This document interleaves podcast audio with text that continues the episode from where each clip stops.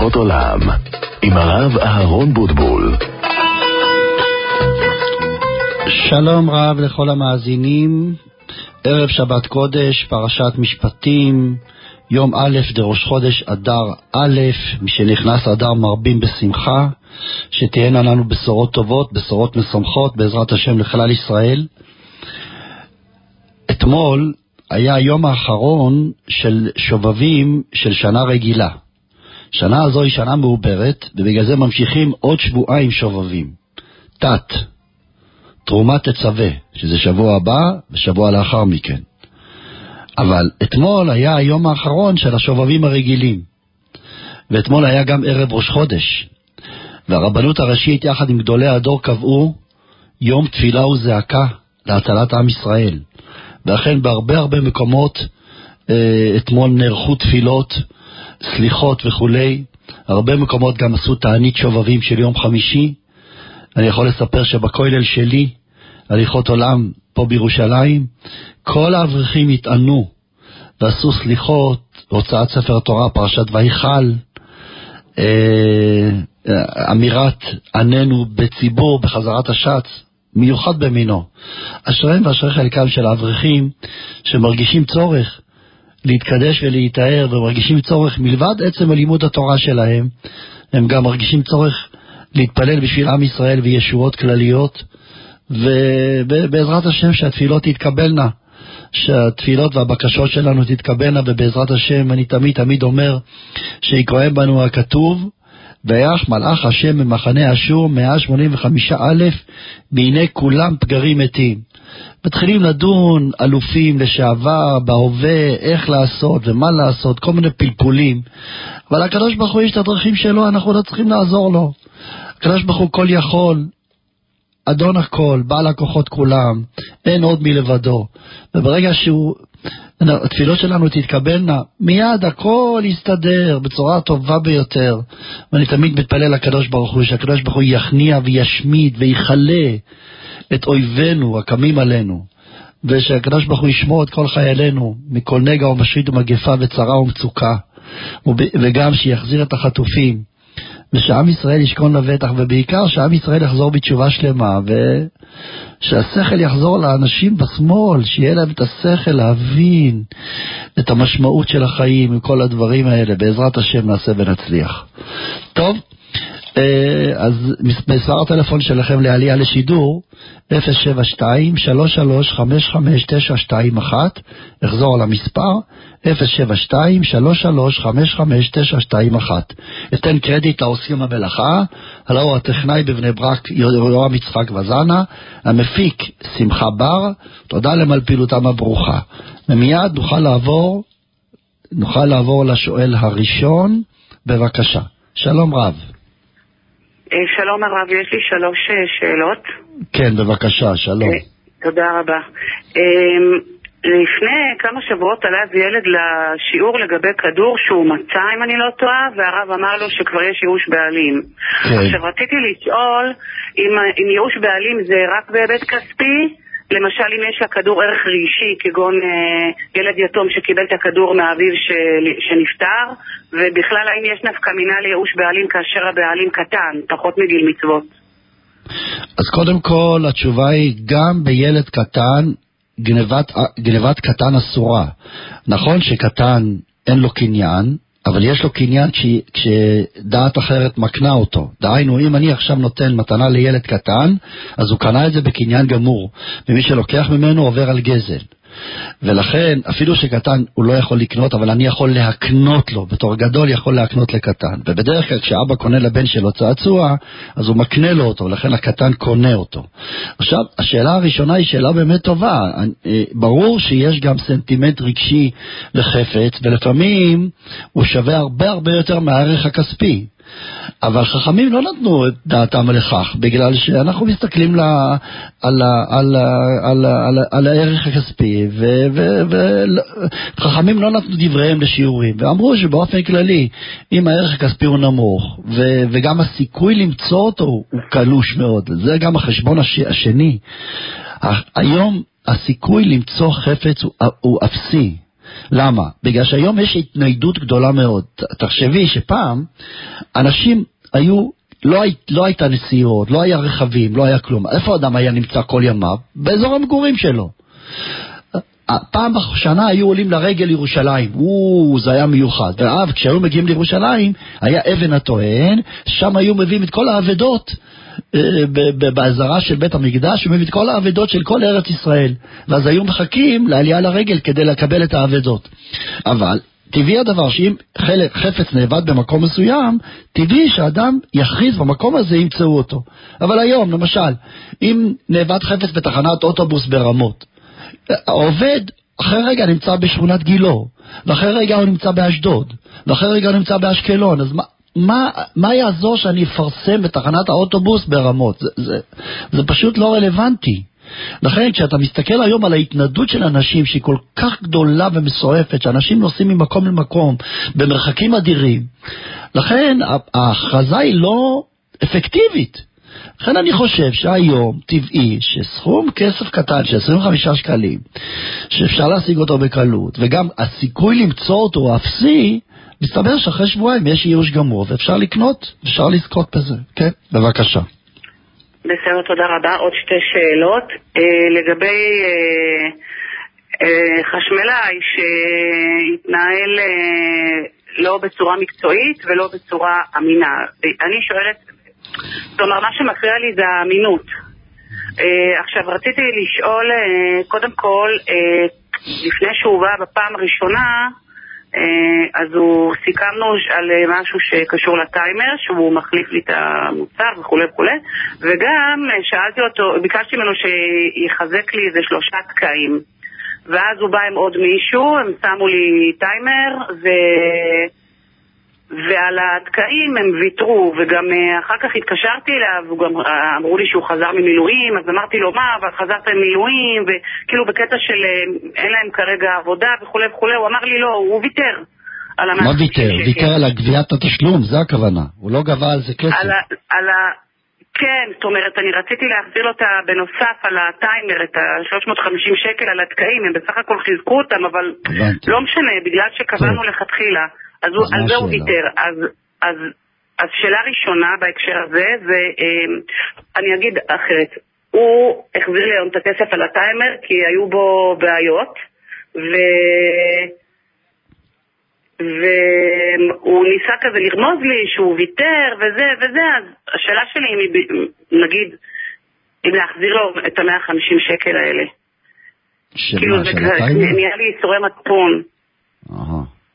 לא על הטיימר, על התקעים. מלכתחילה כמה חשבת לשלם על התקעים? על השקעים? סיכמנו שאם הוא מחזק רק את הטק הזה 50 שקלים, אה, וזה שלושה תקעים היו, ו... ואם זה להחליף ממש שקע, אז זה 100 שקלים. וסיכמנו מראש, ועל הטיימר זה 350 שקל. עכשיו, הוא בא היום, אה, הוא, הוא התנהל ממש לא, לא לעניין בימים האחרונים, ולא אעריך. ואז הוא אמר לי שהוא יכול לשים לי טיימר אה, חדש, אבל בלי נטישות, כי הטיימר הזה נוקש כל רבע שעה, ו... אבל אה, לגבי ההפרש בשעות בין המחוגים לבין השעה, הטיימר עצמו, הוא אמר שככה זה. עכשיו, אני יודעת שלא ככה זה, אז אמרתי לו, לא, אני רוצה שתחזיר לי את הכסף, הוא גם הוא זה שהציע לכתחילה. טוב. אז הוא החזיר לי היום את ה-350 שקל. אז לשאול לגבי ה-150 שקל. האם רצוי שתשלמי עבור זה שהוא ויתר לך על התיקון של השקעים? זה בעצם השאלה. כן, הם חיזקו לי אותם, זה לא שהם תיקנו איזשהו משהו, אבל עצם זה שהוא ויתר, עשה לי איסורי מצפון, אה, גם ניסה לרמוז היום. התשובה היא, בסדר. אני הייתי מפצה אותו באיזה סכום, לא הכל, לתת לו איזה סכום כסף כלשהו. לתת לו הרגשה טובה. כי סוף סוף הוא ויתר. כי הוא החזיר לי אומנם את הכסף על הטיימר, אבל אני צריכה לקרוא עכשיו לחשמלאי אחר. כן, אני מבין, אבל, אבל, אבל אין, לך, אין לך נזק אבל, עכשיו הוא החזיר לך את כל הכסף, אז אין לך נזק, צריכה לקרוא לאחר. טוב, אני מבין, אבל אני חושב שכדאי בכל זאת, הוא ויתר לך, לתת לו איזה סכום כסף, לתת לו הרגשה טובה, על מה שהוא ויתר לך על התיקון של השקעים, לתת לו על זה סכום, כמתנת ידו. כן, בבקשה. אז להחזיר לו את כל ה-150? לא, לא, אמרתי כמה שתרצי. לתת לו הרגשה טובה. אפילו 50 שקל. טוב, בבקשה.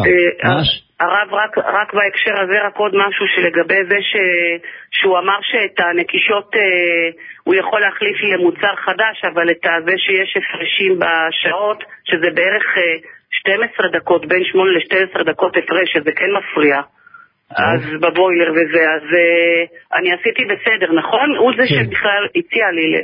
כן, כן, בסדר גמור. אה, בסדר, תודה רבה. עכשיו, שאלה שלישית. שהחפץ חיים אומר שאין כל הנאה בלשון הרע.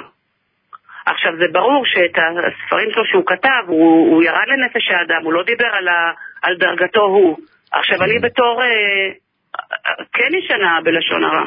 אני, אני אגיד את האמת, מבחינתי. הנאה של, אה, של התעלות והנאה של... אה, ש, שבעצם אני מרגיש שאני יותר טוב ממנו, זה בעצם ההנאה, נכון? אז קודם כל, אז אני אגיד לך, זה לא החפץ חיים אומר, זה חז"ל אומרים, כתוב במדרש. במדרש מה כתוב... לאדם? לא, במדרש כתוב שכל. החיות נקבצות אצל הנחש, ושואלות אותו למה אתה מקיש? ואז הוא חוזר ועונה להם, אם אתם שואלים אותי למה אני מקיש ואין לי הנאה, למה לא תשאלו את בני האדם שמדברים לשון הרע ואין להם הנאה? כך, כך המדרש אומר. אז לכאורה יש לשאול, כל הזמן יש לי את השאלה הזו. יש חשק גדול מאוד לאדם לדבר לשון הרע. זה פשוט וברור, ומאוד קשה לעצור את זה, וזה חשק גדול. אבל אז בכל זאת חז"ל אומרים מה הנאה, אז אני אסביר, חשבתי להסביר מה הכוונה של חז"ל. כשחז"ל אמרו שאין הנאה, מה הכוונה? הכוונה, הנאה עם תועלת. הנאה של נק, נקמה זה הנאה. אדם שנוקם יש לו הנאה, נכון? אבל זה הנאה בלי כלום, זה הנאה, זה הנאה חסרת תוחלת, זה הנאה של uh, פרימיטיביים. וזה לא הנאה עם, עם משמעות. זה מה שהחיות אומרות לנחש. אנחנו לפחות הורגים, אבל אנחנו אוכלים. אבל אתה הורג ואתה לא אוכל. אה, יש לך אינסטינקטים שאתה מקיש, אז הוא עונה להם, האינסטינקטים האלה, יש גם לבן אדם אינסטינקטים שהוא מדבר לשון הרע. זה הכוונה. אז זאת אומרת, אפשר לומר שיש הנאה, הנאה מאוד מאוד פרימיטיבית של, של התעלות על האדם. למה אדם אוהב לספר בגנות חברו. הפסיכולוגיה פה אומרת שבאותו רגע שאני מדבר עליו דברים רעים, אני מרגיש שאני יותר טוב ממנו. אני נותן באותו רגע קומפלימנט לעצמי. אני חשוב כי הוא ככה ואני יותר טוב. וממילא זה בעצם, עכשיו, במקום זה אפשר לעשות דברים חיוביים. אפשר לתת קומפלימנט לעצמי בדברים טובים. ברוך השם התפללתי היום, למדתי טוב, קראתי חוק לישראל, גמרתי שנה מקראת תרגום, קראתי את מנת התהילים שלי, עשיתי חסד. למה ללכת על רע? לך בכיוון חיובי. טוב, בכל זאת, זו שאלה טובה וכך חשבתי לבאר. בסדר גמור, תודה רבה לך. תודה רבה, הרב, תודה רבה. בבקשה, שבת שלום ומבורך. כן, נעבור לשואל הבא. שלום כבוד הרב. שלום רב, בבקשה. רציתי לשאול לגבי משחק בטניס שולחן לילדים בגיל 12 וגם ילדים מעל גיל 13. בשבת, בשבת. מותר, מותר. בסדר? מותר לשחק גם לגדול טניס שולחן בשבת. כן. מותר. וג, לא, גם, וגם משחקי כדור, אה, כדורגל על אה, אותו דבר? בחצר פרטית כן, אם זה מגרש, תקשיב, אם זה מגרש, אה, בקול גדול וצעקות כמו כדורגל, זה לא מתאים לשבת. אבל אם אתה שואל בתוך חצר פרטית לשחק כדור, מותר. אין איסור לטלטל כדור בשבת, הכדור הוא לא מוקצה, הכדור יש לו דין של כלי לכל דבר ועניין, ומותר לטלטל אותו, ומותר לשחק איתו. בסדר? אז מה שהרב כתב בחזון עובדיה לגבי אז, כדור זה... אז קודם כל, אם אתה כבר מתחיל עם העניין של מה שהרב כתב, הרב כתב דברים סותרים קצת, ואנחנו לא מבינים את התשובה של הרב. הרב באותיות הגדולות למעלה כתב, דעה ראשונה אסור, ואחר כך הוא כתב, אבל יש הרבה פוסקים שאומרים שהכדור שלנו היום הוא חשוב וקונים אותו ויש לו חשיבות, אין עליו דין מוקצה, וככה הוא סיים. למטה, באותיות הקטנות, הוא כתב דברים הפוכים.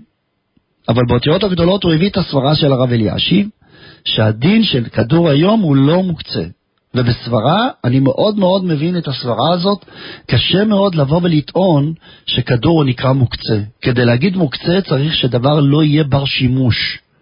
אם יש לו שימוש ויש לו תוכנית ותכלית לשימוש, זה נקרא כלי לכל דבר. כלי, אין בו דין מוקצה. בסדר? בבקשה. תודה, תודה רבה, כבוד הרב. חזק ואמץ, תודה רבה לך, שבת שלום, נעבור לשואל הבא. שלום רב. בבקשה. אה, דבר ראשון, תודה רבה על התוכנית, אנחנו מחכימים מדי שבוע. תודה. אה, הרב, מעשה שאירע בבית הכנסת במנחה של שבת קודש, אה, מעלה כהן כסדרו, לוי כסדרו, אבל בעליית ישראל, הגבאי המחליף, כי הגבאי הקבוע לא היה, הוא העלה, הוא העלה כהן, והוא אמר אף על פי שהוא כהן. מה אתה אומר? ואמר את השם שלו. והזכיר את השם שלו? הזכיר את שם אביו ואת שמו. והוא עלה לבמה כבר, היה על הבמה. עכשיו, מה הדיון? האם צריך להוריד אותו, או שאפשר להשאיר אותו ושהוא יברך ויעלה לתורה? טוב, התשובה היא, התשובה היא, אה, אין ברירה, אין ברירה, אפילו שאנחנו יודעים, אנחנו יודעים שמי שהעלו אותו לתורה חייב לעלות, והתירו בשביל זה הרבה דברים אחרים, התירו בשביל זה הרבה דברים אחרים. למשל, לעלות בקריאת, אה, באמצע פסוקי דזמרה. אדם עולה לתורה וקורא מתוך הכתב. אפילו שאסור להפסיק באמצע פסוקי דזמרה. ואם זה בקריאת שמע ברכותיה, בבין הפרקים יעלה. זה הלכה מפורשת. אפילו שאדם אסור לו להפסיק בבין הפרקים, בכל מקום עדיין אסור, בכזה מקרה, בכל זאת, אה, אפילו שאסור להפסיק, אבל אם קראו לו לעלות, הוא עולה לתורה וקורא מתוך הכתב. זה הלכה. אז לכן, כל כך הדבר הזה חמור, שמי שקוראים לו לעלות ולא עולה. יחד מזה, פה בעצם הוא עובר על דברי חז"ל, כי חז"ל אמרו מפורש שאסור לעלות כהן שלישי אחר לוי, ובגלל שלא יגידו פגמו של לוי וכולי. אז לכן, בכזה מקרה צריכים לשמוע לדברי חז"ל, ואין ברירה להשאיר אותו במקום, לא לבייש אותו ולא להוריד אותו, אבל לעלות מישהו אחר, כדי לקיים דברי חז"ל. בבקשה. הרב, לא חושבים לא לגמרא בברכות שאומרת שמקצרים ימיו? כן, אני יודע, אבל מה קורה, אני שואל אותך שאלה, מה קורה לאדם שהוא, שהוא באמצע, באמצע 18 קראו לו לעלות לתורה? נו מה, תגיד מקצרים ימיו של אדם? מה הדין? שאל שאלה. אדם נמצא ב-18, לא ידעו שהוא ב-18, וקראו לו לעלות לתורה. מה הדין? הוא עולה? בשום אופן לא. אסור לעלות. הפוך, אם אדם יעבור על דברי חז"ל, אז זה מקצרים ימיו של, המד, של אדם. הפוך, יש גבול למה שמותר, וגם אם אדם נמצא באמצע קריאת שמע, אם הוא לא באמצע, אם הוא לא בבין הפרקים, אסור לו לעלות לתורה, גם אם קראו לו בשמו. והרב, למרות שאותו כהן אה, הוא לא, לא זכה לשבת בעולה של תורה, ולמרות שגם אחד, בא מרחוק, ושהוא אחד מהקרובים של אה, מתפללי בית הכנסת, ולמרות כל זאת לא יעלה? לא, לא קשור, לא קשור, ל... אסור להעלות שלישי כהן. זו הלכה מפורשת. בגלל שזה פגמו של כהן ולוי. וזו תקנה של חז"ל. ברגע שחז"ל תיקנו תקנה, צריכים לעמוד בתוקף על תקנת חז"ל. וכיוון שזו תקנת חז"ל, אם טעינו וקראנו לו בשמו, אין לנו ברירה, מה לעשות? אנחנו לא עוברים על תקנות חז"ל בשביל שקראנו לו בשמו. ואני רוצה להגיד שאין לו מה לחשוש מהעניין הזה שמקצרים ימיו של אדם. אני אסביר למה. כל מה שמקצרים ימיו של אדם, למה מקצרים ימיו של אדם? בגלל שזה זלזול בספר תורה. כשאדם מעלים אותו לעלות תורה, והוא נמנע מלעלות, ולמה הוא נמנע? הוא מתבייש, או לא נעים לו, דברים כאלה. אבל קוראים לך לעלות לתורה ואתה לא עולה? זה ביזיון של התורה. כשזה ביזיון של התורה, אז מקצרים ימיו של אדם. אבל במקרה שלנו, הוא כן רצה לעלות. הוא רוצה לעלות. רק מה, ההלכה לא נותנת לו לעלות. בכזה מקרה לא אומרים מקצרים ימיו של אדם. טוב, בסדר, תודה רבה הרב. חזק ואמץ. כן. נעבור לשואל הבא, בבקשה, שלום. האם, האם אפשר... שלום הרב. שלום הרב, האם אפשר לקחת מחבר שלי הלוואה של של קלאס אחד, ואז אני מרוויח, ואחרי זה להחזיר לו יותר. מותר או שזה ריבית? התשובה היא, אה, גם אם, אם, אם אתה לוקח אה, אה, קלף אחד ואתה אומר לו, אני אחזיר לך שניים, אני אחזיר לך שניים, יש בזה ריבית לא מדאורייתא, אבל ריבית מדרבנן. לכן, למשל, אביא דוגמה. אם אדם לוקח מחברו עגבניות, קילו עגבניות, הוא אומר לו, אני אחזיר לך קילו וחצי, הדבר אסור.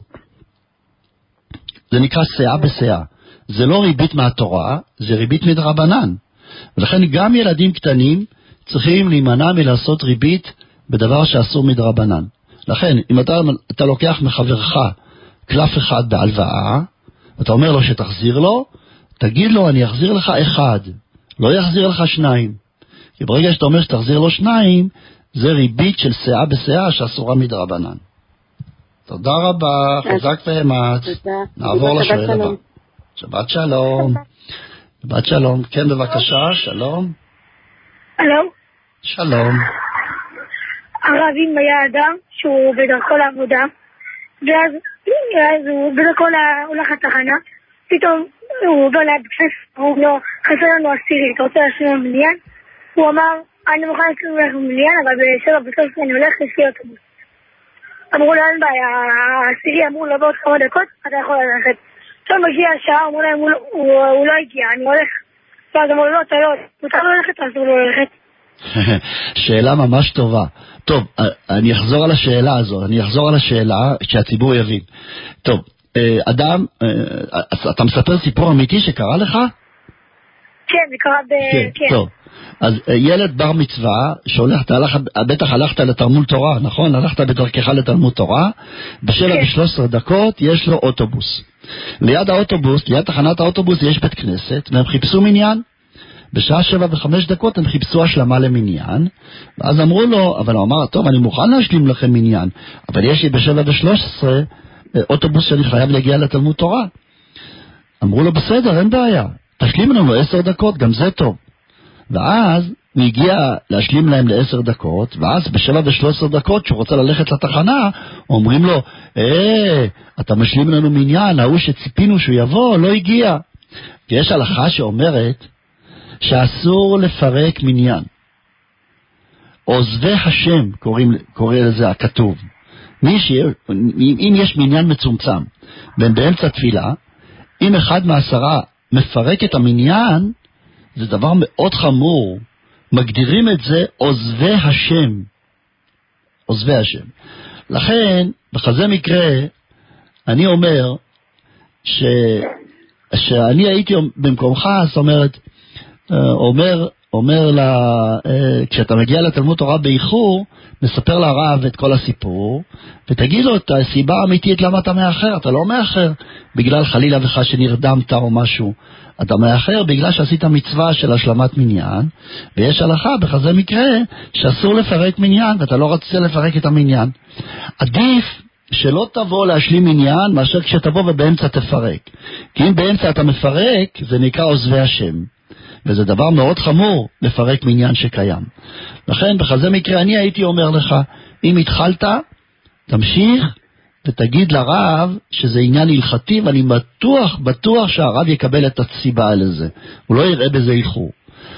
אבל אתה שואל עכשיו שאלה אחרת, מה הדין אם נגיד, אתה, דיברנו על תלמוד תורה, אבל מה קורה אם לאדם יש לו הפסד ממון? בשבע ושלוש עשרה יש לו אוטובוס, ואם הוא לא יעלה לאוטובוס הוא יפסיד הרבה כסף. הוא יפסיד את העבודה שלו. בכזה מקרה בוודאי שמותר לו לפרק את המניין. כי כל מה שהיה מניין זה בגלל שהוא צירף אותם, והוא צירף, הצטרף על דעת ללכת. לכן בכזה מקרה שיש הפסד ממון, מותר לאדם לפרק את המניין במקום שיש לו הפסד ממון כדי שלא יפסיד. טוב? תודה רבה לך. טוב. שבת שלום. הרב, הרב, רגע.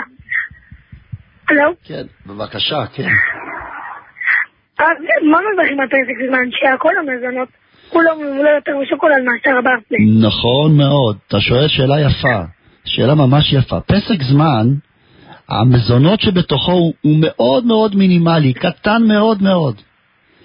ואפשר לומר 95% מהפסק זמן זה שוקולד. אבל בכל זאת מברכים עליו בורא מיני מזונות, ואני אסביר למה. אתה אוהב פסק זמן יותר משוקולד, או שוקולד יותר מפסק זמן? זה כבר יותר משוקולד. לא, בדיוק. ואתה יודע למה אתה אוהב את זה יותר? בגלל המרכיב של הוואפל הקטן שיש בפנים, זה נותן לך טעם של קריספי, וזה נותן, מוסיף בטעם. כלומר, המזונות שנמצא בתוך הפסק זמן, מוסיף בטעם. אז יש לנו כלל, כשיש מזונות מעורבב, והוא מוסיף בטעם, אפילו שהוא מיעוט וטפל, מברכים את הברכה של מזונות. זה כלל. כל שיש בו חמשת מיני דגן, מברכים עליו בורא מיני מזונות, אפילו שהוא טפל והוא מיעוט. אביא דוגמה. יש, יש אה, גלידה, עכשיו בחורף לא אוכלים, אבל בקיץ תמיד אוכלים את הגלידה הזו, גלידה וניל עם אה, שברים של ביסקוויטים אוראו. אתה מכיר את זה? כן. לא. מה מברכים על הגלידה הזו, אתה יודע? בורא מיני לא? מזונות. לא, בורא מיני מזונות. למה? כיוון שיש בתוך נקודות שחורות של הביסקוויטים אוראו, זה אתה רואה אותם, נכון אתה רואה אותם? נכון שזה טפל, אבל זה מוסיף בטעם. הגלידה וניל נהיית יותר טעימה בגלל השברים של העוגיות אוראו. וכיוון שהעוגיות אוראו ברכתן בורא מיני מזונות, והם מוסיפים בטעם של הגלידה, אז מברכים על הגלידה הזו בורא מיני מזונות. כנ"ל אותו הדבר, שוקולד עם שברי ביסקוויטים. יש דבר כזה שוקולד, שיש בתוכו שבר, שברים של ביסקוויטים קטנים קטנים. מברכים עליו בורא מיני מזונות. ולכן פסק זמן, וגם כיף כיף, מברכים עליו בורא מיני מזונות. יפה מאוד. שאלה טובה. חזק ואמץ, שבת שלום, בהצלחה רבה. כן, נעבור לשואל הבא. הלו, שלום רב, בבקשה. ש- שלום הרב, רציתי לשאול, אדם שקיבל אה, שבת עם הציבור מבעוד יום, האם הוא, האם הוא יכול לחזור הבית עם מטריה? אז קודם כל, התשובה היא ככה, אם אדם קיבל שבת, לא רק, לא רק עם ציבור, גם ביחיד, אסור לו לעשות מלאכות. מותר לעשות מלאכות דרבנן, כלשון מרן, כשצריך ונחפז לאותה מלאכה. כשהוא מאוד צריך. למשל, דוגמה, אם יורד גשם חזק, והוא צריך את המטריה כדי להגן עליו מהגשם, אפשר להתיר לו לטלטל את המטריה כאשר עדיין לא נכנסה שבת, רק הוא קיבל שבת מבעוד יום. אבל כל זה דווקא בקבלת שבת של יחיד. אבל בקבלת שבת של ציבור אסור לעשות אפילו מלאכות דרבנן. הדבר היחיד, היחיד, שמותר לעשות בקבלת שבת של ציבור, מהו? אמירה לגוי. כך כותב המשנה ברורה. לפי זה, הרב, טלטול המטריה הוא איסור גמור, או פתיחת המטריה זה איסור גמור. עם ישראל נוהג בזה איסור גמור של אוהל. ולכן, אם אדם... עכשיו, מה זה נקרא קבלת שבת של ציבור? אתה יודע מה זה? ברכו, או ברכו, או ברכו או מזמור שיר ליום השבת. או מזמור, כן. בדיוק, יפה מאוד. כן. מה אתה שואל? אה, אה, עוד שאלה אחת, הרב, הרב דיבר על זה שמטלניות של הכדור, מה שמרן דיבר, כן, זה היום מותר בגלל שזה לא אותו סוג של כדור. כן. רציתי לשאול, זה, זה, זה, זה הרב עובדיה לא כתב, נכון הרב? הרב, הרב כתב, תסתכל עוד פעם. אדרבה, אני רוצה שתסתכלו בתשובה של הרב, שהרב דיבר על מוקצה בכדור. ותראו מה הרב כתב למעלה. הרב כתב למעלה שהכדור היום הוא חשוב מאוד, ומשקיעים בו וקונים אותו בכסף. בכסף הוא נחשב כלי, ומותר לטלטלו. פה הרב רומז, זה מה שאני אמרתי, שלמה מרן אסר? כי מרן אסר בגלל שאז היו משתמשים בשערי מטלניות. הוא רומז לזה, הוא לא אומר את זה, אבל הוא רומז. כי למה, וכי מה, הרב לא יודע שמרן אסר? אז למה הוא אומר היום זה חשוב? התשובה היא, מה שמרן אסר, הוא דיבר על שיערי מטלניות. דרך אגב, שיערי מטלניות זה לא אני אומר, זה הבית יוסף עצמו אומר. הבית יוסף בסוף סימן ש"ח מזכיר את הסברה הזו. לכן, מסתבר מאוד להגיד שכל מה שמרן השולחן ערוך עשה, הוא דיבר בכדור כזה שעושים אותו מזבל, משאריות של זבל. אבל כדור שלנו היום שמשקיעים בו ממון וקונים אותו בכסף ומניחים אותו בבית.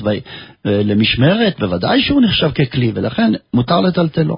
בבקשה. הרב אומר, ש... הרב, הרב אומר ממה, ממה שכתוב שזה הכדור נקרא חשוב, אז הרב אסר את זה, אפילו שהוא לא כתב במפורש שהוא, עושה, שהוא, שהוא מתיר את זה? לא, לא, לא, להפך, הפוך. אתה, חבל שאין לי פה את הספר, תסתכל שם מפורש. באותיות הגדולות אני מדגיש. באותיות הגדולות הרב מתחיל, כדור אסור בטלטול. ויש אומרים, ויש מי שאומר שהיום הכדור שלנו מותר בטלטול. לפי שמשקיעים בו וקונים אותו והוא חשוב. נכון. זה מה שהרב כותב. אבל, אבל ומה, זה והיש אומרים. אני מבין שזה, שזה הלכה, כי זה הגיוני. מה, מותר לנו להפעיל היגיון קצת? למה לאסור? למה? מרן השר, כדי ל... מה, אני לא מבין, אסור לנו לשאול טעם? מותר לנו לא, לשאול טעם, הפוך, הפוך, לא רק זה, אנחנו פוסקים הלכה לפי הטעם. למה מרן אסר ולמה אנחנו היום מתירים? אתה אומר היום אתה מתיר בגלל שזה חשוב. למה מרן אסר? כי זה לא היה חשוב, כי זה שערי מטלניות. אבל למה הרב עובדיה לא כתב את זה במפורש שאם מותר? לא מקשים קושיות כאלה. הרב כתב, כתב מה. אז קודם כל, קודם כל אני רוצה להגיד שהתשובה הזו של הרב היא לא מספיק ברורה. מה לעשות, אם הוא היה פה לפנינו היינו שואלים אותו, אבל הוא לא לפנינו, אז זה מה שיש לנו. אבל uh, מותר לנו להגיד דעה בעניין הזה. בסדר? אני לא רואה שום סיבה בעולם. אם היה עכשיו משה רבנו בא אליי עכשיו, אומר לך, אדוני, כדור אסור, הייתי שואל אותו, למה, הרב, למה? מה, אתה לא... תסביר. הוא היה מסביר. אבל הוא היה, הוא היה אומר לי את הכללים, ש, שמוקצה זה דבר שהוא לא כלי, אבל כדור הוא כלי, אני הייתי שואל אותו. אני, אני בטוח שהוא היה אומר לי, אתה צודק, כדור זה כלי. אני בטוח שמשה רבנו היה אומר לי את זה. מותר לי להגיד את זה, אני בטוח. אני בטוח, פעם שלישית. אין לי ספק בזה שזה מותר. טוב, תודה רבה לך, חזק ואימת. תודה רבה. חזק ואימת, שבת שלום. כן, נעבור לשואל הבא. כן. שלום. כן, שלום לך, בבקשה. שלום. שבת אה, שלום אומרים בסוף השיחה. ניפרד, נגיד שבת שלום. עכשיו אנחנו יום שישי, שלום, בבקשה. שלום עליכם הרב. רציתי לשאול, אבא שלי אה, סיעודי. כן. ולפני אה, שלושה חודשים הבאנו מטפל פיליפיני. כן. ואבא שלי אתמול התקשר אליי בלילה, שהוא מצא את המטפל שלו עובד עבודה זרה. בבית. בבית. בבית. והוא רצה אין... מיד אה, לסלק אותו. מצד ההלכה, מותר להשאיר אותו בבית ושאנשים יוכלו לעבוד עבודה זרה בבית? התשובה היא לא. התשובה היא, התשובה היא לא. הרמב"ם כותב מפורש שאסור לאדם להשכיר את ביתו לאדם שעובד עבודה זרה בבית שהוא משכיר אפילו כשהוא לא גר בבית הזה. דמיין רגע שאתה משכיר דירה למישהו ואתה לא גר בבית והגוי עובד עבודה זרה. אסור לי להשכיר בית לגוי ש... שהוא עובד עבודה זרה בבית של... שלי. למה? כי אני נותן את הבית שלי לעבודה זרה. זה איסור גמור. עכשיו, בואו ונעשה סדר. איזו עבודה זרה זה היה? זה היה נצרות, או שזה היה אה, אה, עבודה זרה מהמזרח הרחוק? אה, כמדומני ממה שאבא שלי סיפר לי שהיה פסל וקטורת. טוב, אני אגיד לך למה. כי נצרות, מבחינת היהודים זה עבודה זרה גמורה. מבחינת הגוי זה לא מוגדר כעבודה זרה. כי ידוע שהגויים מצווים, אה, אינם מצווים על השילוש. אבל, אה, אבל כל הדתות שבאות מהמזרח הרחוק, הן ממש עבודה זרה גמורה, גמורה, גמורה, שגם בנוח מצווה עליה. אבל לא משנה, לא משנה. בקיצור, אתם צריכים להגיד לו בזה הלשון. אתה עובד אצלנו, אתה רוצה לעבוד את הטקסים שלך, אל תעשה בבית. תעשה, תלך לתל אביב, יש שם כנסיות, יש שם מקומות כאלה, תעשה שם, אל תעשה בבית. לא צריכים לגרש אותו. אני מבין שקשה מאוד לגרש אותו, כי התרגלתם אליו, אבל אתה יכול להגיד לו, לא תעשות את זה בבית. אתה תגיד לו לא לעשות בבית, הוא ישמע בקולך, הוא צריך את הכסף שלך. והוא יימנע מלעשות עבודה זרה בבית. בסדר? ואם פעם אחת הוא יעשה שלא בידיעתך, אז אה, לא יאשימו אותך, כי אתה הודית, הורית לו שלא יעשה. טוב? בבקשה. בסדר. תודה רבה, שבת שלום. חזק ואמץ, שבת שלום ומבורך. כן, בבקשה. כן, נעבור לשואל הבא. הלו? שלום, בבקשה. שלום, שומעים אותי? כן. כן. רציתי לשאול את כבוד הרב, לפני כן עלה אחד עוד פעם על הכדור, מה זה משמיים? הוא אה, כיוון. עכשיו כן. נכון, אה, שמעתי את הסברות של הרב, יישר כוח. אה, רציתי לשאול, ילקוט יוסף כותב במפורש לספרדים, אני קורא, כדעת מרן שולחן ערוך, אסור לגדולים לשחק בכדור. טוב. סליחה, אני קורא את, את מה שהוא כתב, אסור לטלטלו, אפילו לצורך גופו ומקומו. כן. ואז הוא כותב בהמשך, הדין כן אף בכדור שעשהו מתחילה לשם משחק. מכל מקום מותר להרשות לקטן לשחק במשחקים בכדור, שם המרן לא דיבר על כדור בזמן הזה, יש לנו בתי חרושת למשחקים. זאת אומרת, אלקוט יוסף הוא ממש, הוא בא בביטוי לאסור לנו.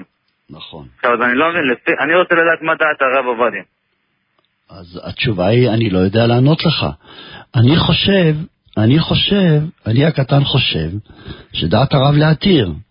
ואתה מביא מהאלקוט יוסף, שהאלקוט יוסף אומר שהוא משאיר את זה כמו בספק, ואומר שמחלק בין קטן לבין גדול. בסברה הזו, בסברה הזו שאני אמרתי, מחלק בין קטן לגדול. בסדר, אם כך אומר אלקוט יוסף, תשמע לו. לא, לא, אני רוצה לדעת, אני רוצה לדעת מה אומר הרב עובדיה. אני לא יודע, אני אמרתי, זה בדיוק מה שאמרתי בתחילת דבריי, שדברי הרב לא מספיק ברורים, זה בדיוק העניין. מבין אותי? זה בדיוק כן. העניין. אם היו דברי אה. הרב ברורים, אז לא היינו מתפלפלים פה. אה, יש בחלק העליון ויש בחלק התחתון של הרב, זה לא ברור. לכן, אין. בעיה. מה שאומר אלקוט יוסף, מקובל, תעשה ככה, אין בעיה. אני אמרתי דעתי, מותר לנו לחלוק, אני מאוד מעריך את הרב הראשון לציון, מבין אותי? כן. חזק ואמץ, תודה רבה לך, שבת שלום ומבורך. כן, בבקשה, נעבור לשואל הבא. היי, שלום כבוד הרב. היי, שלום, מה נשמע? בבקשה, כן. בסדר. אפשר לשאול שתי שאלות? כן. כשאלה ראשונה, אה, נכון שאתה, אה, שאתה אוכל עוף ועם אה, ציפס כזה, אז העוף מעורבב לפעמים עם התפוח אדמה והצ'יפס. נו. וכשאני נגיד רוצה לאכול רק את התפוח אדמה שמעורבב עם העוף, אז אני אחר, נגיד, אני, ואין בו הרבה טעם, אז אחרי נגיד שעה אני יכולה לאכול, אה, לאכול חלבי כי אין בזה הרבה טעם. לא, לא, לא. התשובה היא ככה, אם יש לנו תפוחי אדמה שהתבשלו ביחד עם עוף, אנחנו מחמירים שלא לאכול אחריו שש שעות חלב. אני לא השתמשתי בלשון okay. אוקיי. אסור, השתמשתי בלשון מחמירים, אבל זה המנהג, ואין להקל ראש בזה. בסדר? לכן אני okay, שוב אוקיי, חוזר. אם היו לנו צ'יפס מעורבב עם עוף, אפילו שהפרדתי את הצ'יפס מהעוף, אסור לאכול אחריו במשך שש שעות חלב. בסדר? בבקשה. בסדר. ושאלה שנייה? כן, שאלה שנייה. אני מתקרבת לגיל בת מצווה ורציתי לדעת איזה ספר ללמוד כדי להתחזק בכבודת השם. אה, את רוצה ללמוד ספר הלכות? כן? כן. טוב, אז אני חושב, יש ספר כן. מאוד טוב, ספר מאוד טוב של הרב שמעון כהן, שהוא, באיזה נושא את רוצה להתחזק? נושא של הלכות תפילה, הלכות שבת, כל הנושאים האלה, יש ספר מאוד טוב של הרב שמעון כהן שנקרא אור ההלכה, שזה כתוב עם נקודות, הוא כותב הלכות לספרדים מאוד יפה, ואני ממליץ מאוד על הספר הזה. ספר של הרב שמעון כהן, אור ההלכה. בסדר? אני ממליץ מאוד על הספר הזה, כי זה כתוב בנקודות, והוא כתב מאוד יפה, הוא מביא שם את כל פסקי ההלכה של הרב, עליו השלום. בבקשה, חזקי ואמצי, שבת שלום ומבורך. כן, בבקשה, נעבור לשואל הבא. כן, נעבור לשואל הבא. שלום, בבקשה. כבוד הרב. כן, שלום, בבקשה, כן. אני, אה, מותר לגדל כלב בבית? טוב, התשובה היא, בעיקרון מותר לגדל כלב בבית. כן, מותר. מותר לגדל חיה טמאה בבית. ובמיוחד יש כאלה אנשים שיש להם ילד עם, עם קשיים של התנהגות וקשיים כמו אוטיזם קל וכדומה, אמרו לי שמביאים להם בעל חיים, זה מאוד מאוד עוזר להם בהתפתחות. אז שאל אותי דווקא אברך, שאל אותי אברך, שהוא בכלל לא חשב להביא כלב הביתה. אבל אה, לצערנו יש לו בן עם אוטיזם, והוא ראה שה, שההכנסה של הכלב הביתה מאוד מאוד שיפרה את ההתנהגות של הילד. אז לכן, מעיקר הדין, אין סיבה לאסור להכניס כלב הביתה. אני יכול לומר שאנחנו לא נוהגים בזה. הציבור הדתי החרדי לא מגדל כלבים בבית. אפשר לומר את זה. אבל אם אתם שואלים אם זה אסור, ודאי שזה לא אסור. טוב, בבקשה. ואם אמא שלו מרשה? אה, זו שאלה טובה. אם אמא לא מרשה, אז, אז, אז אסור. לא צריך לשכנע אותה. צריך לקבל מה שאמא אומרת. בוודאי. יפה, אתה שאלת שאלה טובה מאוד. אם אתה שואל אותי מצד עצם העניין הזה של הכלב, אתה צודק, שזה לא בעיה. אבל ברגע שאימא לא מרשה, יש בכלל ספק? אתה חייב לשמוע בכל אימא. איפה מצוות כיבוד אב ואם? איפה מצוות מורה, איש אמו ואביו תיראו, שאסור לסתור את דבריו? איפה הכרת הטוב לאבא ואימא, שמגדלים אותך ונותנים לך בית לגור, ומטפחים אותך ומשקיעים בך ונותנים לך אוכל מדי יום ביומו? פעם אחת מבקשים ממך משהו אחד קטן וכבר אתה מתקשה לשמוע בקולם? מה השאלה בכלל? יופי, תודה רבה. שבת שלום. כן, נעבור לשואל הבא. שלום, הרב. שלום, בבקשה, כן. שלום, כן. לפני כמה שעות דיברו על העניין של המיקרוגל, רציתי להבין משהו. קודם כל, אני מבין שהעניין של המיקרוגל זה שהמיקרוגל בעצמו לא מתחמם, אלא הוא מחמם את האוכל. ואם יש לנו איזושהי צלחת פתוחה עם אוכל, זה יחמם את האוכל והאוכל יפלט אה, הדים שזה יספק בתוך הקירות של המיקרוגל. אחר כך נשים משהו אחר ונחמם את זה ויש אפשרות של פריטה של אותם החומרים או העדים או מה שנספג בתוך האוכל החדש, נכון? כן. ככה אני מבין שזה העניין. אם ככה, למה שהפליטה הזאת לא יהיה בטל בשישים? הרי אין, אין, אין מצב ש... אני אגיד לך למה. אני אגיד לך למה. אני אגיד לך. שואל שאלה טובה, אבל קודם כל חז"ל נתנו לנו הגדרה שאנחנו משערים בכולי משערינן. דהיינו, אם יש לי עכשיו אה, סיר שהתבשל בו בשר, ובתוך מעת לעת בישלתי אחר כך חלב, צריך שבחלב יהיה 60 נגד הנפח של הסיר. הנפח, העובי של הסיר. ואם העובי של הסיר, נגיד הוא 100 גרם, צריך 6 קילו בחלבי. עכשיו אני שואל אותך, יעלה על הדעת שהבשר שנבלע בתוך הדופן של הסיר זה 100 גרם? אם כל הברזל הוא נפח 100 גרם, כמה נכנס בשר? אולי אלפית המיליגרם. כמה גרמים, כן, לא... אבל באו חכמים ואמרו, קודם כל הסברה שלך כותב אותה הראב"ד, הראב"ד כותב את הסברה שלך. אבל רוב הראשונים לא מסכימים איתו ואומרים, נתת דבריך לשיעורים. כיוון שכל אחד יגיד משהו אחר. הרי ברור שנבלע משהו, אבל כמה נבלע אתה לא יודע. אולי נבלע גרם אחד, אולי נבלע עשרה גרם, אולי אלפית המיליגרם, אינני יודע. אז באו חכמים ואמרו, בכולי משערינן. אנחנו משערים במקסימום, כאילו כולו בולע.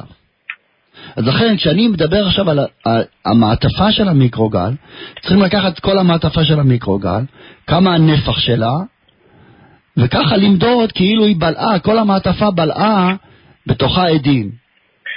אז אם המעטפה נגיד היא 100 אה, cc, אז צריך פי, פי 60 מ-100 cc. שוב אני חוזר, זה לא הגיוני, אבל ככה הדין. וזה מופיע בשולחן ערוך מפורש, ביורה דעה. כן. טוב. למרות שבמיקרוגל, כאילו, הסיר מתחמם, אם אתה שם את האש, המיקרוגל לא מתחמם, אבל בכל מקרה... לא, אבל עדים יש להם כוח להיכנס, זה לא קשור. עדים, גם כשהסיר לא מתחמם, יש להם כוח מכוח, הם עצמם יכולים לחדור לתוך הברזל. איפה ראינו את זה? ראינו את זה במכסה של סיר. אם אדם לוקח מכסה של סיר, צונן, מכסה צונן, ומניח אותו על תבשיל בשרי, שנייה אחת, שנייה אחת, אז אני אומר שכל המכסה בלע מה, מהעדים הבשריים, והוא נהיה בשרי. ואם הוא היה קודם לכן חלבי, צריך שישים כנגדו, כנגד המכסה. למה? אפילו הנחתי אותו שנייה אחת על התבשיל. לא, העדים עלו מלמעלה, נכנסו פנימה, והוציאו את העדים הקודמים, והכניסו, והפילו את זה פנימה לתוך הסיר. אז אני צריך, זו הלכה מפרשת בשולחן ערוך ויורד יה, סימן ב', שאם אדם לקח בטעות מכסה של סיר חלבי, וכיסה בתבשיל בשרי, שנייה אחת, צריך שישים בתבשיל כנגד המכסה. תגיד לי אתה, אחי המכסה בלע כנגד כל הנפח שלו? עדים? ודאי שלא. אבל ככה הדין, שצריך שישים כנגד הנפח של המכסה. אז אותו דבר במיקרוגל, שכוח העדים להיכנס פנימה ולדחוק את עצמם בתוך הברזל. טוב, בבקשה. חזק ואימת, תודה שלום. רבה, שבת שלום, נעבור לשואל הבא. שלום, רציתי לשאול הרב, אה, אם התבלבלתי היום בתפילה, ב... אה, אני בדרך כלל הולכת לבית כנסת רק בשבתות, אה, והיום הלכתי לבית כנסת והתבלבלתי, התפללתי תפילת שחרית של שבת במקום של, נו, של רגיל, של יום חול. ומה עשיתי? התפללתי את התפילה הזאת אחרי מוסף, האם זה בסדר? את מה? אה, מה התפללת אחרי מוסף? את תפילת העמידה הרגילה, התפללתי אחרי מוסף, כי התבלבלתי, התפללתי אותה שבת בהתחלה. מצוין. אפשר להתפלל שחרית אה. אחרי מוסף. עכשיו עוד שאלה, אם אני באמצע העמידה של מוסף, מותר לי לענות אה, קדוש קדוש ב... נו, בקדושה של חזרה? רק אם את נמצאת אחרי מחיי המתים. אם את נמצאת במחיי המתים, לפני שהתחלת אתה קדוש, מותר לך לענות על הקדושה של החזן. אבל אם את נמצאת לפני, אתה לא קדוש... הבנתי, אחר... לא, סליחה, סליחה הרב, לא הבנתי. אחרי, אחרי מחיי המתים להגיד קדוש קדוש, מותר לי? אחרי מחיי המתים ולפני אתה קדוש. אה, גם לפני, לפ, לפני אה, מה זאת אומרת לפני אתה קדוש? לא הבנתי מה זה. בקטע שאומרים קדושה. איפה אומרים קדושה? במחיי המתים אה, אז גם לפני אתה קדוש אפשר להגיד, אה, אני מתכוונת עליי, אני הייתי באמצע תפילת עמידה. ועכשיו אני רוצה להגיד את ה... לחזור יחד איתם בפה, אפילו שאני באמצע עמידה בלחץ. איפה היית בעמידה? כאילו לא סיימתי. לא סיימתי, אני לא בחזרה יחד איתם. איפה הייתי בעמידה? לא זוכרת, לא משנה. אז התשובה היא לא מפסיקים לקדושה באמצע העמידה, נו, מה השאלה? אמרתי לך אה, שמותר להפסיק לקדושה רק אם את נמצאת אחרי מחיי המתים. פשוט. אה, בסדר. ואז להגיד את זה, להגיד יחד איתם אפשר. בסדר. אה, ועוד שאלה, כן. אם, רגע, מחילה הרב, לא סיימתי. אה, שאלה אחרונה, אם באתי לבית כנסת והיה שם מישהו בעזרת נשים ובגללי הוא יצא, זה בסדר או שהייתי צריכה אני ללכת? זה בסדר גמור. זה המקום של עזרת טוב. אנשים, זה זכותך. תזכו למצוות. הרב, אפשר לברך את עידן בן איילה לזיווג? מחילה. עידן בן? בן איילה.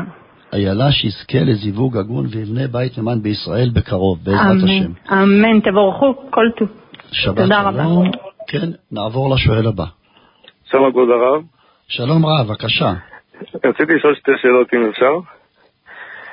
אה, שאלה ראשונה, הרב, יש לנו מישהו בקהילה שהבן שלו עובד באחד מחברות השליחויות הכי גדולות בארץ, שליחויות של מזון. עכשיו, הוא, הוא לא שליח, הוא מפקח על השליחים. כלומר, הוא אחראי שהם מגיעים בזמן ועושים את התפקיד שלהם. השאלה אם יש בזה מסייע לדבר עבירה. כאשר מגישים ש... אוכל אסור, זו השאלה. כן. פי... הוא, הוא לא עושה את זה בפועל, הוא רק מפקח עליהם. זה נקרא מסייע למסייע. טוב, זה נקרא אוקיי. מסייע למסייע. אתה מבין? רק שנייה, מסייע למסייע מעיקר הדין מותר, כן. אבל אני באמת חושב שאם הוא ירא שמיים, שיברח משם. אז זהו, שהוא לא כל כך, אבא שלו כן, אבל הוא לא כל כך, הוא בקצה, בוא נגיד ככה. חלש, חלש. כן, כן. טוב, בקיצור, לאט לאט שהוא יתחזק, צריך להוביל אותו לכיוון הזה שיעזוב את העבודה הזו. בסדר. ושאלה שנייה, אם אפשר, אולי זה קצת השקפה, אבל אם, אם אפשר, לא יודע אם השקפה שלי נכונה פשוט. אמ, לגבי האברכים, ברוך השם, אני אברך בכולל, וברוך השם רב, כל פעם שאני מגיע הביתה אחרי יום לימוד, ואשתי אמרתי שהיא גאה בי בלימוד, אני ממש ממש מרגיש כוח להמשיך ללמוד, ממש נותנת לי כוח. ובזמן האחרון, בזמן המלחמה, שאני יודע, אני יודע שיש הרבה הרבה הרבה שמשבחים את החיילים ונותנים להם, וזה חייב לעשות את זה, הם חיילים והם גיבורים והכל, אבל גם אנחנו, בני הכוללים והאברכים, גם אנחנו משתתפים בלחימה הזאת, אנחנו באמת שומרים על דיבור ולומדים בערב ומשקיעים יותר, ואני לא מצפה שיעשו לי על האש או שיקנו לי בגדים או שייתנו לי איזה משהו, אבל, אבל לפחות מהציבור שלנו אה, להרגיש שמעריכים אותנו. יכול להיות שברדיו יגידו את זה, אבל בפועל, בשטח, אה, חוץ מאשתי, אני לא מרגיש שמישהו באמת מעריך את מה שאני עושה. וזה, טוב. אני לא יודע אם זו השקפה נכונה או שאני טועה בזה. טוב. קודם כל, בוא נגיד ככה, אתה מגיע לבית הכנסת ויש עם הארץ, צריך לקום בפניך, אתה יודע את זה? כתוב שתלמיד חכם צריך לקום בפניו, זה הלכה, זה מצוות עשה מן התורה. אז מה אתה מדבר על הערכה? קמים בפניך או לא? שאלתי שאלה, שקמים בפניך או לא? אם לא קמים יש בעיה. אני לא, חושב שאנשים צריכים לדעת, בוא נעשה שאלה כזו, אנשים צריכים לדעת, אברך, אברך, שלומד בהתמדה בין תורה בין עלייה, מגיע לבית כנסת שבלבטים, כולם צריכים לקום בפניו, בתוך ארבע אמות. שוב, אתה צודק, אבל העולם לא קם. העולם קמים בפני רב. למה לא קמים בפני אברכים? זה לא, לא בסדר. אני אפילו, אני אפילו את זה לא מבקש, אני רק פשוט ש... שיגידו לי, אשריך שאתה לומד ואתה מחזיק טוב, את העולם. מצוין, תודה רבה. אנחנו נמצא הזדמנות לשוחח על העניין הזה. טוב, שעתנו הראשונה הסתיימה, אנחנו ניפגש אחר שעות השעה אחת במדור דעת ותורה, בשעה נוספת. בינתיים ויהיו שלום. הליכות עולם עם הרב אהרון בוטבול שלום רב לכל המאזינים, אני פותח את שעתנו השנייה בתוכנית הליכות עולם. לפני שנעבור למדור, אני רוצה להגיד לכל הציבור שיש אפשרות לשאול את השאלות שלכם דרך בית ההוראה שלנו. בית ההוראה שלנו פתוח כמעט רוב שעות היממה, בין השעה תשע בבוקר ועד אחת אחר חצות בלילה. מספר הטלפון לשאול את השאלות 02-587-5871, שלוחה אחת או שתיים. 02 587 5871 שלוחה אחת או שתיים. אה, לאור בקשת הציבור, אנחנו גם נייעד בימים הקרובים אה, שעה או שעתיים מיוחדות של דיין מומחה שעוסק בדיני ממונות, לשמוע שאלות שלכם בנושא של דיני ממונות. עד היום לא היה לנו שעה מיוחדת לזה, כי תמיד הפנינו לדיינים שבתוכנו, אבל עכשיו גם אנחנו נקדיש לזה שעה מיוחדת. ובעזרת השם נעשה ונצליח. אני רוצה לומר שהתגובות שאנחנו מקבלים מהציבור הן נפלאות. כמה היחס של הרבנים טוב, יש לנו קרוב ל-80 רבנים שעונים בבית הוראה, כמה היחס, כשהרבנים חוזרים ומבררים דברים וחוזרים ונותנים את התשובה אחר כך, נפלא מאוד. כל זה לשבחם של הרבנים ייאמר, שעושים הכל לשם שמיים, שלא על מנת לקבל פרס, כדי לזכות את הרבים, תזכו ואימצו. ואני רוצה שוב לדבר על העניין הזה, שיש לכם אפשרות לקבל את כל המידע התורני הזה, שזה השיעור הנוכחי, את השיעור ביום ראשון, את השיעור ביום שני, ואת כל ההלכה היומית אפשר לקבל בשלוש דרכים. יש קו תקשורת כשר למהדרין, זה נקרא קו כשר, שאפשר לקבל דרכו את כל האינפורמציה הזאת. מספר הטלפון 02-313-5497. כמו כן יש אפשרות לקבל את כל הטוב הזה דרך המייל, כתובת המייל 654-1154 שטרודל gmail.com וגם יש אפשרות לקבל בוואטסאפ כתובת, מספר הטלפון של הוואטסאפ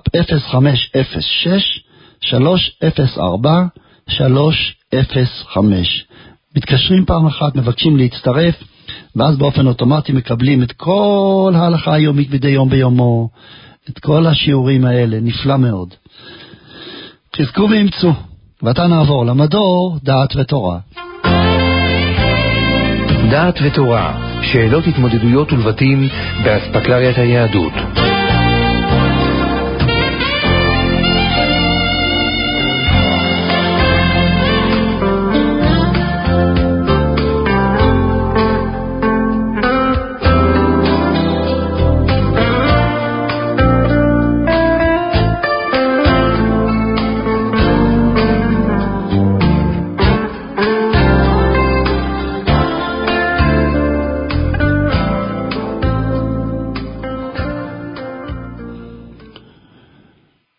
היום אני אחרוג מהרגלי, ואני לא אדבר נושא תורני, אבל אני רוצה לשתף אתכם במכתב שקיבלתי השבוע במייל של הבית הוראה, וזה מצטרף להרבה מכתבים אחרים שקיבלתי שקשורים לנושא הזה.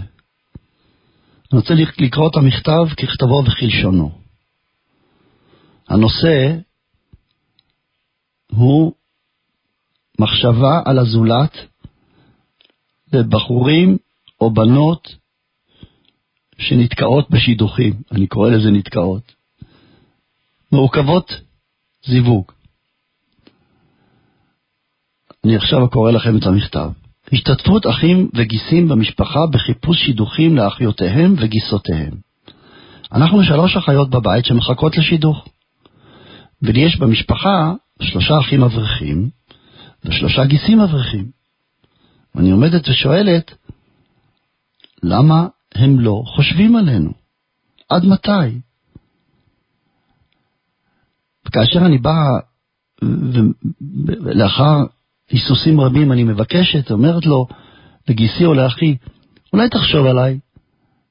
יש לך בישיבה אה, כל כך הרבה בחורים שאתה רואה, תציע משהו.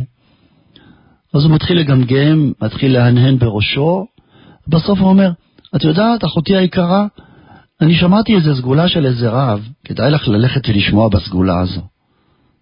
אני לא מבקשת סגולות. סגולות, יש לי הרבה הצעות של סגולות. אני רוצה שאתם תציעו הצעות. למה? חוסר אכפתיות. למה אתם יושבים ודואגים ורק חושבים על עצמכם? כאשר אתם, אתם באים לבקש מאיתנו בקשות, כמו בייביסיטר לילדים, כמו למשל כשאתם באים לשבת אצל ההורים, אנחנו מפנות את החדר ונותנות לכם אותו, ואנחנו מנקות את החדר ומגישות לכם את האוכל באהבה רבה. אבל אנחנו לא מרגישות ש, שאתם חושבים עלינו. עד מתי? טוב, המכתב עוד אה, מעריך ומדבר על הנושא הזה, ואני רוצה לצרף גם אה, מכתב נוסף שקיבלתי בכיוון אחר.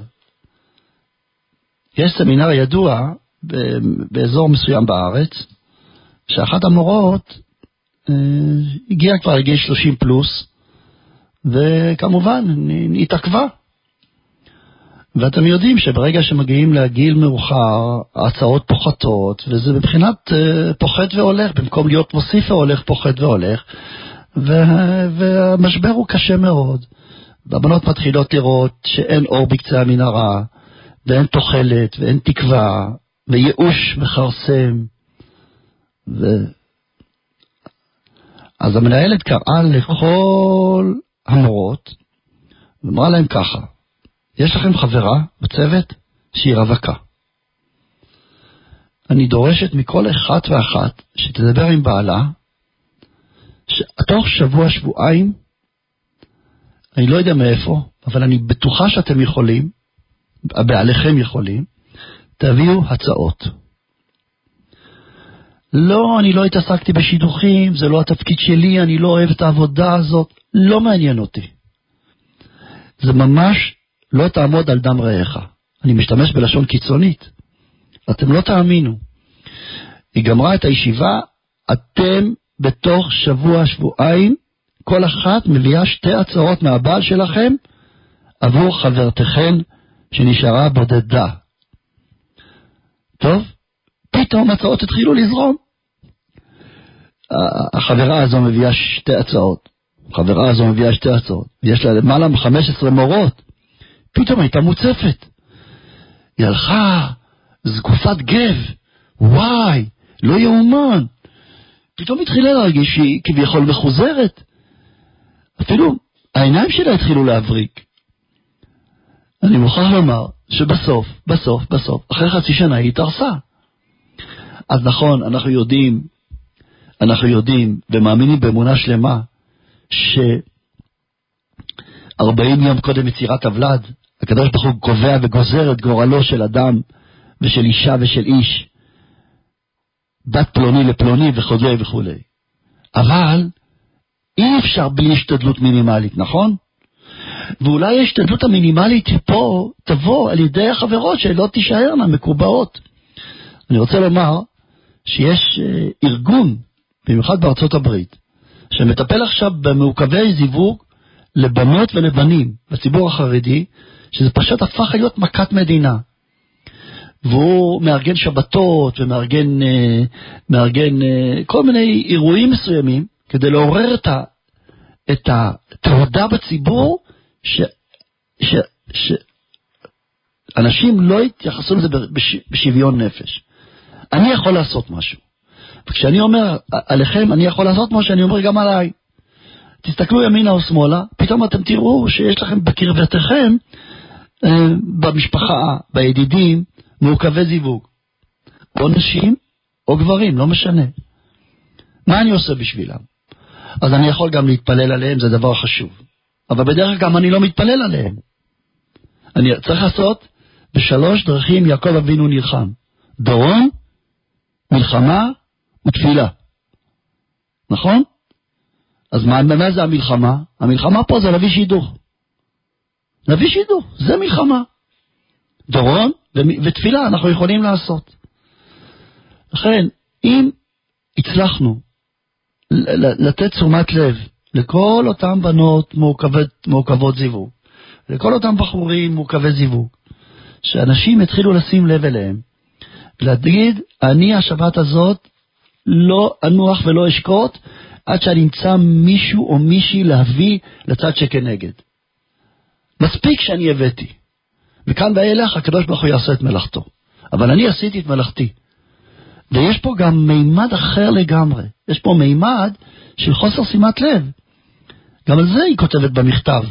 היא כותבת, המכתב, היא כותבת בין היתר שמה שכואב לה זה לא רק ש- ש- שאין הצעות מבחינתם, אלא אי אכפתיות מבחינתם. למה לא אכפת לכם? אני עוברת את הגיל, ולא אכפת לכם. איך אתם יכולות, איך אתם יכולים לשבת בשקט? לכם הכל טוב, הכל זורם, ולנו הכל תקוע. טוב, הלוואי והקריאה שלי עכשיו תיפול על אוזניים קשובות, והלוואי שעכשיו בשבת הקרובה כל אחד יישב בסעודת שבת ויעשה אה, אה, חשבון נפש. תגיד, יש לי במשפחה כך וכך. אני מקבל עליי תוך שבוע-שבועיים להביא הצעה. והיה זה שכרנו. ואני אומר, מי שיעשה את זה, הקדוש ברוך הוא ימנע ממנו שוד ושבר. כי הקדוש ברוך הוא דואג לנו כאשר אנחנו דואגים לבניו ולבנותיו. ואם הקדוש ברוך הוא רואה שאני דואג למישהו בזה שאני מתפלל עליו, בזה שאני דואג וטורח בשבילו, הקדוש ברוך הוא גם ידאג לנו. ואז ידאג לנו שלבנינו ולבנותינו לא יהיה עיכוב בשידור. ובעזרת השם הקדוש ברוך הוא משיב מנה אחת אפיים, מידה טובה גדולה ממידת פורענות חמש ידות. בעזרת השם נעשה ונצליח, ואידך זיל גמור. דעת ותורה, שאלות התמודדויות ולבטים באספקלריית היהדות.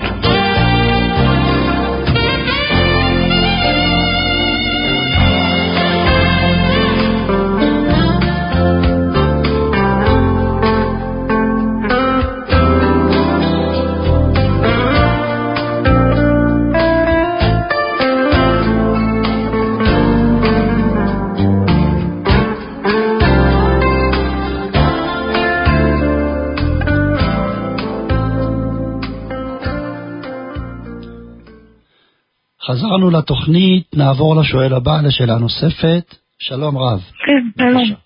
כן.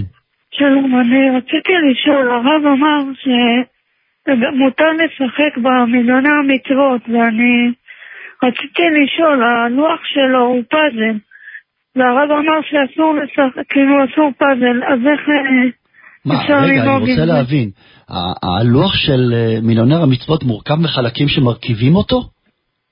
כן. אני לא ידעתי, אני חשבתי שזה לוח קרטון שמתקפל ונפתח. לא, זה היה ככה, עכשיו הם עשו את זה כנראה פאזל. טוב, אז אם יש פאזל, אסור להרכיב פאזל בשבת. יש פה טעות. אני פעם ראיתי מיליונר המצוות, וזה היה לוח שמתקפל מקרטון. אז אם באמת הלוח עצמו של מיליונר המצוות מורכב מיחידות של פאזל שמרכיבים אותן אחת לאחת, אני מסכים עם כל מה שאמרת, הדבר אסור בתכלית. כי אם אדם מרכיב פאזל בשבת, יש בזה איסור כותב. כן, זהו, כאילו לא ידענו, כן, אבל זה גם... תודה רבה על ההערה. כן. כן, אפשר עוד שאלה, רצינו גם לשאול לגבי רביעיות. מה השאלה? אם אפשר. מה זה רביעיות? מספר ואומרים, כן. זה משחק קלפים ועושים סריות? כן. סריות? כן. אבל זה לא עם מספר, זה עם תוכן. איך מחברים סריות? לפי תוכן מתאים, נכון? כן. התשובה היא אפשר להקל. פעם, פעם אמרתי שיש בזה משום בורר, אבל הרבה תלמידי חכמים העירו לי שאפשר להקל בזה משום שזה נקרא שאני מוציא את האוכל מהפסולת. למשל, יש לי עכשיו הרבה קלפים, ואני, כדי להשלים סריה, מוציא קלף אחד מתוך הרבה קלפים כדי להשלים את הסריה. אז מותר לי להוציא את הקלף שאני מעוניין בו כדי להשלים סריה, כי זה נקרא אוכל מפסולת. אני מסכים עם הסברה הזו.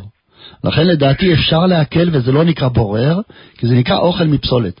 השבוע דווקא ראיתי שבאחד מספרי האחרונים גם כן שאומר סברה דומה, שאפילו אם אני לא אוכל אותו מיד, עצם העובדה שאני רוצה אותו בשביל דבר מסוים, זה נקרא אוכל מפסולת, והדבר מותר. טוב, אז אפשר להקל. תודה רבה. שבת שלום. כן, נעבור לשואל הבא. כן, שלום וברכה כבוד הרב, ויישר כוח לתוכנית, אנחנו ממש מחכימים כל שבוע מחדש. תודה. רציתי לשאול כמה שאלות קצרות. שאלה ראשונה, האם מותר להתפלל ברכבת לגבי נשים? תפילת 18 בעמידה, תגידו אם יש מקום בצד או שלא מפריעים. אז למה לא? תגיד לי מה הצד שלו? לא יודע, אולי כאילו פחות ריכוז או... טוב, התשובה היא ככה, פחות ריכוז, פחות ריכוז, אבל uh, לא בגלל שיש בעיה של ריכוז אנחנו נפסיד זמן תפילה. אנחנו היום לא מכוונים, לצערנו הרב, גם כשיש ריכוז אנחנו לא מכוונים בתפילת שמונה עשרה. הלוואי ואנחנו נכוון בברכת אבות. לכן, לכן אנחנו יודעים את המצב היום. רוב הציבור לא מכוון בתפילת שמונה עשרה, והלוואי ונכוון בברכת אבות, לכן אם הזמן עובר, יתפלל ברכבת. כן. בסדר גמור. ושאלה שנייה, האם מותר להעביר תינוק מאחד לשני על גבי השולחן, כאילו, נגיד יושבים בשולחן שבת ומעבירים תינוק מעל השולחן? אין בזה שום בעיה, אין בזה שום, זה רק עניין של איזה כל מיני אמרות של סבתות זקנות, אין בזה שום, זה, זה, אין לזה שום בסיס הלכתי ותורני ויהדותי, כלום, כלום, ממש כלום. ונגיד להניח את התינוק על הקצה של השולחן, נגיד אני יושב על הכיסא ואני מניח אותו על הקצה של השולחן. מותר, או שזה... מותר, מותר, מותר, מותר, כן. בסדר גמור. ושאלה נוספת, שמעתי שדעתו של הרב עובדיה הייתה, כאילו לגבי ברכת המפיל בקריאת שמע של המיטה, פעם הוא אמר שצריך להגיד לשם מלכות, פעם לא, מה, מה הוא, טוב, כאילו, אז מה, מה באמת ההלכה? הרב כתב בספריו כמה, בכמה מקומות שאין מברכים ברכת המפיל בשם ומלכות לאחר חצות הלילה. כך הוא כתב. אבל הרב חזר בו בעל פה, ויותר מזה, הוא גם אמר לי באופן אישי שאני אחזור ויאמר בציבור בשמו שהוא חזר בו, וגם הוא, כך הוא אמר לי, אני עצמי נוהג לברך ברכת המפיל לאחר חצות הלילה. ויש בעיה לדבר אחרי ברכת המפיל? או ש... אם יש בעיה לדבר, התכוונת? כן, לא, זו שאלה ראשונה, כן, אבל עכשיו אני שואל כאילו שאלה נוספת, האם אחרי ברכת המפיל מותר לדבר? לדבר, זו השאלה אם מותר לדבר. אז התשובה היא ככה, לכתחילה צריך לסמוך את ברכת המפיל כמה שיותר לשינה. אבל אם שמחתי את זה לשינה, ופתאום התעוררו אירועים מסוימים שחייבים להתייחס אליהם, הילד קם, פתאום מישהו צריך משהו וצריך לדבר, אז לא לעשות אני דיבור, אפשר לדבר. לכתחילה כשאני מברך, אמרו חכמים שתסמיך את הברכה על השינה. אבל אם הסמכתי את הברכה לשינה, ולא באה לי שינה, ואני לא מצליח להירדם, אל יחשוב אדם שהוא מברך ברכה לבטלה. או אם למשל הוא צריך לדבר, לא ברך ברכה לבטלה, כי כשהוא ברך הוא התכוון לסמוך את זה לשינה. אבל בוודאי שאסור לאדם לברך ברכת המפיל שעה קודם השינה, כי צריך להסמיך אותה לשינה. בסדר? ובמוצאי שבת, כן, ובמוצאי שבת שלא אומרים תחנון בקריאת שמע. אז אם אני אומר קריאת שמע אחרי חצות, אני צריך להגיד תחנון או שלא צריך להגיד? קודם כל, קודם כל זה לא תחנון, זה, כאילו זה, זה רק וידוי. בערבית, קריאת שמע למיטה אומרים וידוי. וצריך לדעת שהווידוי הזה הוא לא ממש חיוב, הוא חסידות. בחסידות. כתוב שאדם צריך לערער בתשובה קודם, שנ, קודם שנתו, אז אומרים וידוי. אבל בעיקרון, בוודאי שבמוצאי שבת אחרי חצות הלילה אפשר להגיד את זה בלי בעיה. בסדר? בבקשה. יישר כוח, תודה רבה, כבוד הרב, שבת שלום. חזק ואמץ. נעבור לשואל הבא. שלום הרב. שלום רב, בבקשה. לגבי מכשיר חשמלי שטעון טבילה, שהרב הסביר שאפשר לפרק את החשמל ולהחזיר אותו, גם כן. טוסטר שמכינים פה טוסטים אה, טעון, טעון ב- את התהליך הזה? בוודאי, בוודאי, כן. כל מכשיר שמתקן את האוכל טעון טבילה. מבין? בסדר גמור. ועוד שתי שאלות קטנות לגבי תפילה. אה, אדם שרוצה להתחיל לפני הציבור דקה או שתיים כדי להספיק לקדושה, יש תפילת שמונה עשרה, אבל הוא במניין שמתחילים 18 בדיוק בדקה של, של הנץ. זה בסדר עדיין להקדים בדקה שתיים את הציבור? אה, טוב, הרב, פעם אמר לי הרב שעד שלוש דקות זה לא נקרא שהוא מפסיד את הנץ. זאת אומרת, עד שלוש דקות לפני ואחרי זה עדיין נקרא הנץ, הנץ החמה. אז אם זה עד שלוש דקות אפשר להקל, אבל יותר מזה בוודאי שלא. לא כדאי להקדים להתפלל לפני נץ החמה בשביל להגיד קדושה. אני אסביר למה. כי להתפלל בזמן הוא דבר מאוד חשוב. ולא עניין של הנץ החמה, כמו שאדם מתפלל לפני הנץ החמה זה נקרא בדיעבד.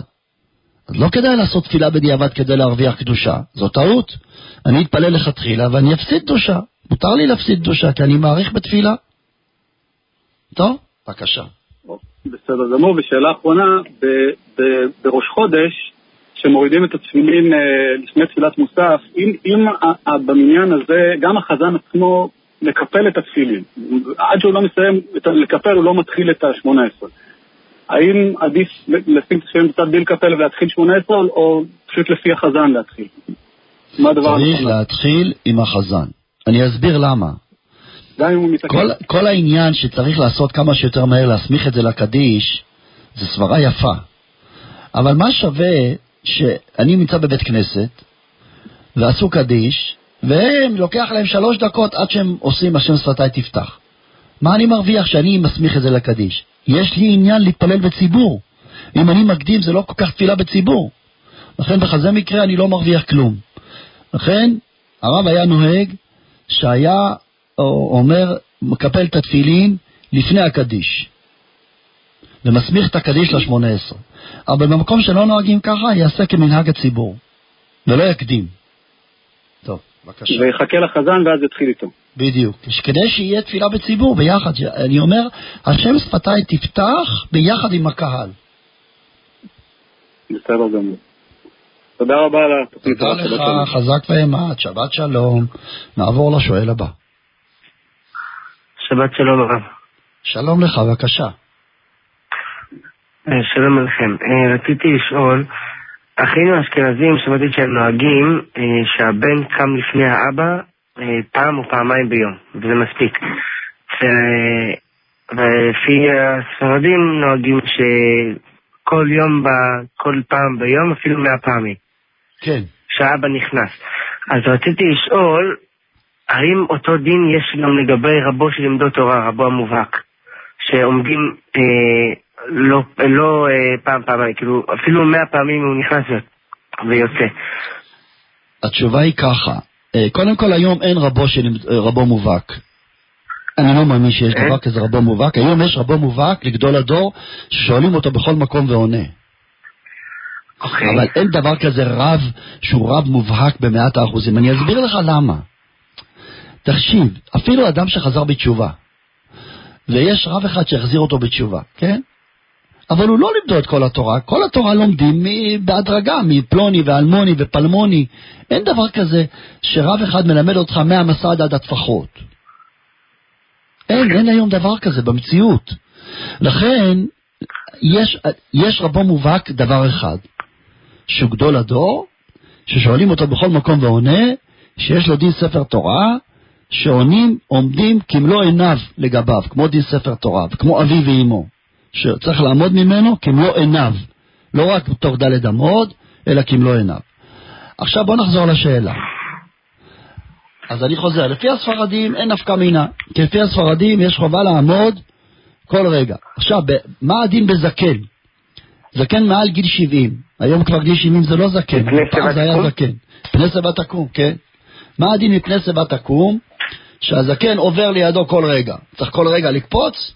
מה אתה חושב? אתה יושב בבית הכנסת, הוא הולך להביא סידור, תעמוד. חוזר, הולך לשירותים, תעמוד. עולה לתורה, תעמוד. מה קורה פה? האם זה נכון? או אפשר להסתפק בפעמיים, פעם ביום, פעם בלילה? התשובה היא, אפשר להסתפק פעם ביום, פעם בלילה. בזקן. והוא הדין תלמיד חכם. כל תלמיד חכם צריך לעמוד בפניו. כשאני אומר תלמיד חכם, מקודם דיברתי על כך שאני לא רואה אנשים שקמים בפני אברכים.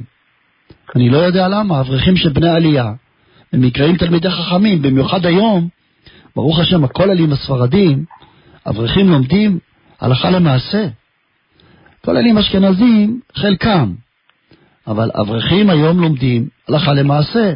השבוע הרבנות בחנה למעלה מאלף אברכים במבחן מאוד מאוד חזק, קשה מאוד, על הלכות מידה, על הלכות איסור והיטל, הלכות גרות ומילה, הלכות אה, קידושין ואבן העזר. למעלה אה, אולי 1,500 אברכים למדו ולמדו ולמדו. איזה מבחן קשה היה להם. אתה רואה אברך בן 25, שולט בחצי יורה דעה. זה לא יאומן. ממש תלמיד חכם במלוא מובן המילה. אז בוודאי שצריך לקום בפניו. אבל אפשר, והדרת פני זקן, אפשר להסתפק פעמיים, פעם ביום, פעם בלילה. אבל אבי ואימו ורבו מובהק, גדול הדור, צריך לקום כל רגע, כי אם לא עיניו. תגיד לי אתה, אתה ראית מישהו שקם בפני אבי ואימו כי אם לא עיניו גם כשהוא בבית? הוא יושב לאכול, אמא שלו מגישה לו ארוחה. אתה ראית את הבן קם בפניה? ודאי שלא. אף אחד לא קם בפני האמא. אז איך, איך מסבירים את זה? בשביל זה פעם אמרתי, שזו ההזדמנות שפעם לדבר עם אבא ואמא ולהגיד שהם חלו. האמא ודאי מוכלת, אבא ודאי מוכל. אה, אני לא רוצה להטריח אותך. מה באמת? כל רגע תקום בפניי. אין לדבר סוף. אז כל פעם שאני עומד בבית אתה צריך לעמוד, אסור לך לשבת. התשובה היא מוכלים, אבל צריך לדבר על זה. תמיד עודדתי בחורים צעירים, ש... או בנות, שאבא ואמא חיים, שידברו על, על זה עם ההורים, יגידו, אבא ואמא, אנחנו למדנו היום שצריך לקום בפניך, כי אם לא עיניו, כל פעם שאתה עומד, אני צריך לעמוד, וזה לא מסתדר לי, אני לומד למבחן, אתה מסתובב בסלון, אני צריך לעמוד, זה לא מסתדר לי. אני מבקש ממך מחילה, אתה מוכל? יגיד לך מוכל. בסדר? בבקשה. תודה רבה. שבת שלום. שבת שלום ומבורך. נעבור לשואל הבא. שלום כבוד הרב, קודם כל תודה רבה על התוכנית המעשירה, יישר כוח. תודה, שלום, בבקשה, נשמע את השאלה. יש לי, יש לי ארבע שאלות, אני אתחיל בראשונה. יש לנו מרפסת בבית, ובמרפסת, כשאם אני מסתכלת לבחוץ, יש לי עוד גומחה כזאת קטנה שהיא בערך מטר מהמרפסת. ביום שבת, שישי בערב, כשאנחנו אוכלים את הסעודה, אחרי הסעודה נשארים שאריות של לחם, אז אני רוצה לזרוק את זה לשם. ואז בעלי אומר שזה לצאת מרשות הרבים, שזה אסור, כאילו שזה פעולה שאסורה בשבת. שאלה אם זה בסדר, ואם לא, אז... מה זאת אומרת, אתם, אתם מקפידים לא לטלטל ברשות הרבים ואתם לא סומכים על עירוב? אני, הבעלי לא מטלטל, אבל אני כן, אבל הוא אומר שכאילו אסור להאכיל לא, אסור להאכיל חיות בשבת, או ש... אה, טוב, אז עכשיו את שואלת שאלה אחרת, לא לטלטל, את שואלת מצד להאכיל. טוב, אז התשובה היא ככה, אכן מרן בשולחן ערוך כותב שאסור להאכיל בהמות וחיות שאין מזונותן עליו. דהיינו, בהמות אוקיי. וחיות של הפקר. יחד עם זאת, הרב עליו השלום כתב שכל מה שמרן הקפיד שלא להאכיל בעלי חיים בשבת, הכוונה לא לטרוח בזה. דהיינו, אביא דוגמה, אם יש נבלה, צריך לחתוך אותה לכלבים. עכשיו, כשרוצים את הבהמה לכלבים זה טרחה מרובה, להביא סכין, לקשוט את האור, לחתוך את החתיכות של הבשר, או להביא דלעת גדולה מאוד ששוקלת 30 קילו, ולחתוך אותה לעיזים. זה גם טרחה מרובה. אבל כשאדם לא טורח, לוקח שאריות וזורק לפני בעלי חיים, שזה דבר שלא כרוך בטרחה, הדבר מותר בשבת. כך פסק הרב. ולכן במקרה שלך, אני מתאר לעצמי גם שאת רוצה, למי את זורקת את השאריות? לחתולים אה, או... לא, לא, לציפורים, פשוט כי אני לא יכולה אז פה יש פה עוד היבט, שאת רוצה למנוע ביזיון של הלחם, כן. נכון? אז זה פה עוד כן. היבט. יש פה היבט תורני, הלכתי, שאת רוצה להרוויח, שאת לא תזרקי את השאריות של הלחם לתוך הפח. אז אני חושב שכשאתה מצרף את כל הדברים האלה, א', אין בזה טרחה. דבר שני, אתה מרוויח שאין לנו פה ביזיון של הלחם, אני בהחלט חושב שהדבר מותר. בבקשה. יופי, תודה רבה. שאלה שנייה, יש נעליים אה, מסוג אה, של חברת אג, שזה נעליים מאור עם צמר. ו...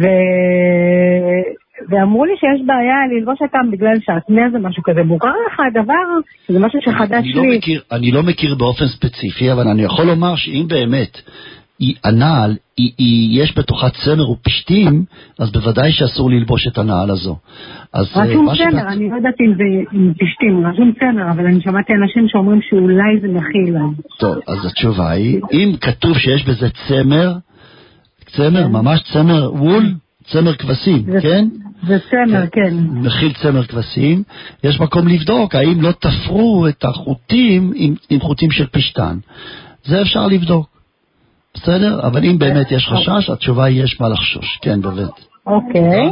עוד שאלה, לגבי החלה שאני מכינה בשישי, הרב דיבר כמה פעמים עם אה, כמות השמן, שאז זה נהפך למזונות או המוציא, אז השאלה שלי, אם נגיד אני שמה קודם כל, נגיד 20 גרם של אה, מחמאה, ועל זה נגיד עוד חצי כוס שמן, זה עובר את ה... כאילו המחמאה מתחברת לשמן, קודם שזה כל, לא המרגרינה בהחלט מצטרפת לשמן, בהחלט, אבל אוקיי. 20 גרם עם חצי כוס עדיין לא מגיע לשלושת רבעי כוס שאמרנו, לכן נראה לי שזה עדיין בתוך התחום. שזה נקרא לחם לכל דבר. בסדר? אוקיי, ושאלה אחרונה, תודה רבה. שאלה אחרונה לגבי תנור, נגיד בשבת שהוא בשרי, ואני שמה בו לחמם בו לחמניה. יחד נגיד יהיה סיר שהוא עם עוף, ואז אני מחממת את החלה. החלה נהפכת להיות אה, בשרית? את לא מדברת בשבת, כאילו- ביום חול. את לא. מדברת ביום חול. קוד- קודם כל בשבת זה אסור? בשבת בשבת, כאילו אסור החלה לחמם. אה. חלה בתוך תנור. אה, אסור. אוקיי, טוב שאתה... למה? זה נקרא אומר. מחזי כמבשל. אה, אוקיי. אסור. להכניס תפוחי אדמה, עופות, בשר מבושלים כל צורכם לתוך תנור חם בשבת. ולמה? זה נקרא שהוא מחזי נבלע? כמבשל. זה נקרא דומה לבישול. אם זה מה? אוקיי, אם זה לפני שהתנור נדלק, יש אה. אפשרות שאם אנחנו עושים שעון שבת וזה לפני שהוא נדלק. יש מקום להקל, כש- כשהתנור צונן יש מקום להקל. בסדר? עכשיו לגבי- כאילו, עכשיו לגבי השאלה השנייה. השאלה כן. השנייה, אם יש לי בתוך התנור, יש, עופות, וליד זה יש לחמנייה. האם הלחמנייה הזו קיבלה את הטעם של הבשר והיא נהיית בשרית או לא? זו השאלה. התשובה כן. היא כן. למה? עדים של הבשר נכנסו פנימה לתוך הלחמנייה. והעדים של הבשר יש להם דין של בשר. וצריך להקפיד על זה שלא לאכול את זה ביחד עם חלב. אוקיי, מצוין. כבוד, דרך אפשר עוד שאלה אחרונה, קטנה? לגבי התותים, אה, איך אני אמורה לנקוט אותם לפני שאנחנו אוכלים אותם? כאילו, מה... מה השלבים? כי כל אחד אומר משהו אחד לחתוך ולחפש בפנים, נשים אז במים התשובה היא וסבון. ככה, אני, אני אגיד לך את כן. הדברים שאמר לנו הרב אה, אה, שניאור זלמן רווח, שהוא מומחה גדול לחרקים, ממש מומחה גדול, אוקיי. גם בקיא עצום בהלכות אה, תלמיד חכם מופלג, אבל יש לו התמחות מיוחדת בתחום הזה, אז שלחתי את האברכים של הכולל אליו, והוא הדריך אותם. אז הוא אמר, ה- מה שטוב ב... בתות שדה, שהחרקים לא, התולעים אינם חודרות פנימה לתוך התות. הם, הם אוקיי. ב- ב- בחלק העליון של הפרי, בחלק החיצון של הפרי, בעיקר כן. באזור הנקודות הירוקות שחורות. יש נקודות ירוקות שחורות שעוטפות את הפרי, שם באזור הנקודה הזו יש איזה גרעין קטן כזה, שם מתחבא טריפס קטן. עכשיו, אוקיי. המעלה הנוספת ש, ש, שראינו, שבשפשוף ומים מסבון, כל החרקים, התולעים שנמצאות סביב הנקודות השחורות האלה, יוצאות במים וסבון עם שפשוף. לכן מה שצריך אוקיי. לעשות זה דבר פשוט. לחתוך את החלק העליון של הפרי שמחובר לגבעול. שם לחתוך, ממש לחתוך. לא לכרות את הגבעול, אלא לחתוך חלק מהפרי יחד עם הגבעול, להניח את הפירות של התוצדה בתוך, בתוך מים עם סבון, חמש דקות, ולאחר מכן לשפשף את, את הפרי, כל ירק וירק, כל פרי ופרי, לשפשף אותו עם המים והסבון, לאחר מכן לנקות בתוך מים זורמים, אפשר לאכול לכתחילה. תודה רבה לך, כבוד הרב. בבקשה, שבת שלום. תודה. תזכי ביצי. כן, נעבור לשואל הבא. הלו. שלום. שלום וברכה, כבוד הרב. אה, שאלה היא כזאת, אה, אני הייתי, יש לנו דירת קרקע, ויש לנו שקע בחוץ, בחצר, אבל השקע הזה מחובר גם לשעון שבת, ואני רוצה לחבר לשם מקפיא. לכן הייתי צריך להזמין חשמלאי בשביל שיעביר חוט אחד מהשקע ללוח. אני קצת מבין בחשמל, ואני מבין שזה פעולה, אבל אני לא נוגע בנושא של לוח. אז אני עושה דברים בבית, אבל לא, נגיע ללוח, לא נוגע. אז הבאתי חשמלאי, נתן לי הצעת מחיר, 450 ש"ח. אמרתי לו, אין בעיה, אפילו לא ביררתי עוד הצעות מחיר, זאת ההצעה המחיר היחידה שהייתה. וקבענו יום, הוא בא, הוא בא עם שני אה, אה, עוזרים, והוא פירק את זה והתחיל להעביר אה, חוץ ללוח. זה הסתבך לו קצת, זה עובר דרך פה, דרך שקע שם, דרך זה. לקח לו די הרבה זמן. די הרבה זמן, כנראה הוא לא שיער את הזמן הזה. עכשיו הוא ראה את הלוח, והוא אומר לי, תשמע, הלוח שלך לא בסדר, הלוח שלך החוטים לא מספיק קווים. מה זאת אומרת? זה, זה בניין די חדש, זה עבר את חברת החשמל, הכל בסדר, לא, לא, אל תיגע בלוח. לא, תשמע, חייבים להחליף את החוטים, נבנה, נבנה, זה שני אנשים ועוד החשמלאי עובדים כמעט שעה להעביר חוט, והסתבכו עם זה. אז בסוף ריחמתי עליו, אמרתי, אתה יודע מה, אני אפצה אותך. אני אפצה אותך על זה. אז זה, בזה הסתיימה השיחה. אז אה, בסיום העבודה, אמרתי לו, כמה מגיע לך? מה פיצוי? 450 שקל, קפץ ל-1250. אמרתי לו, מה זה? אתה לוקח יותר ממה שהעבודה הראשית, אתה לוקח עבודה של 15 דקות? אמרתי לו, זה לא מקובל עליך. הוצאתי 600 ש"ח ונתתי לו. הוא לקח את הכסף, אבל צלצל וכעס עליי, ומה פתאום, אני רוצה לשמוע את הרב, מה הוא אומר על זה?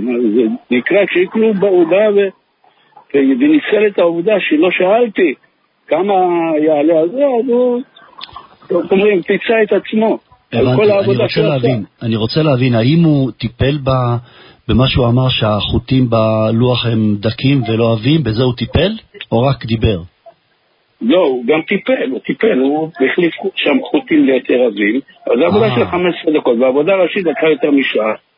אה, זאת אומרת, הוא כן, הוא כן טיפל בחוטים כן, שהחליף. אותם לעבים, כן? כן, עכשיו כן, תשאל, החליף- תשאל, אה, רגע, רגע, רגע, עכשיו תשאל כמה עולה עבודה כזו להחליף את החוטים? אני, להבין. אני שאלתי אחרי שזה קרה, הוא גם התעצבן, אומר, אל תשלם בכלל, תשלם." אני לא, אני השארתי אצלו את ה-600 ש"ח, ושאלתי חשמלאי במקום הזה שאני גר, כמה עולה להעביר חוט, מה, מה, יש עוד אותה דירה כמוני, כמו שלי, כמה עובר לה, להעביר חוט חשמל כדי שלא יהיה מחובר ל, ל, לשעון שבת, הוא אמר לי, אני לוקח 300 ש"ח. טוב, אבל לא ענית לי לשאלה. כמה עולה להחליף חוטים דקים לעבים? אני לא יודע, אני יודע כמה זמן לקח, לא 15 דקות. הזמן לא אינדיקציה. הזמן לא. אינדיקציה. הזמן לא אינדיקציה. אני קצת מתפלא שזה לקח רק 15 דקות, בגלל שאם צריך להחליף את כל החוטים של כל המגעים, זה, זה יש לך לפחות איזה 20 פאזות שם בלוח. לא, לא, לא, הוא? החליף רק את החוטים שנראים לו דקים, הוא לא החליף את אה, טוב, טוב. רק מה שנראה לו, הבנתי. טוב, אז התשובה היא ככה, אתה צריך להתעניין כמה עולה להחליף את החוטים הדקים לעבים, מה שהיה לך, תברר אצל החבר שלך, השכן שלך, כמה שזה עולה, ותשלם לו כמה שהוא יגיד. אתה סיכמתי אותו 450 על הזה, תשלם לו 450 על זה, כמה שעולה להחליף את החוטים הדקים לעבים, זה תשלם לו. אם יגידו לך שזה עולה 200, תוסיף לו 200. נתת לו 600, אז זה מספיק. הבנתי, הבנתי, אבל אתה רוצה לדעת מה צריך, אז נתתי לך אינדיקציה. תשאל את החבר שלך, החשמלאי, כמה יעלה עבודה כזאת להחליף חוטים דקים להבים. וכמה שהוא יגיד, תוסיף לו. בסדר? יש לי עוד שאלה אחת. כן. שאלות, תודה רבה הרב. שאלה שנייה, רק שאלה אחת. אה, אנחנו מתפללים בנץ ומוכרים את המצוות העליות.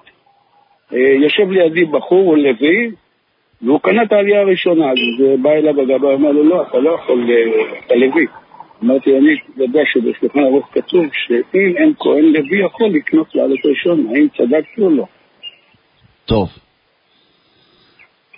אם אין כהן, לוי יכול לעלות ראשון.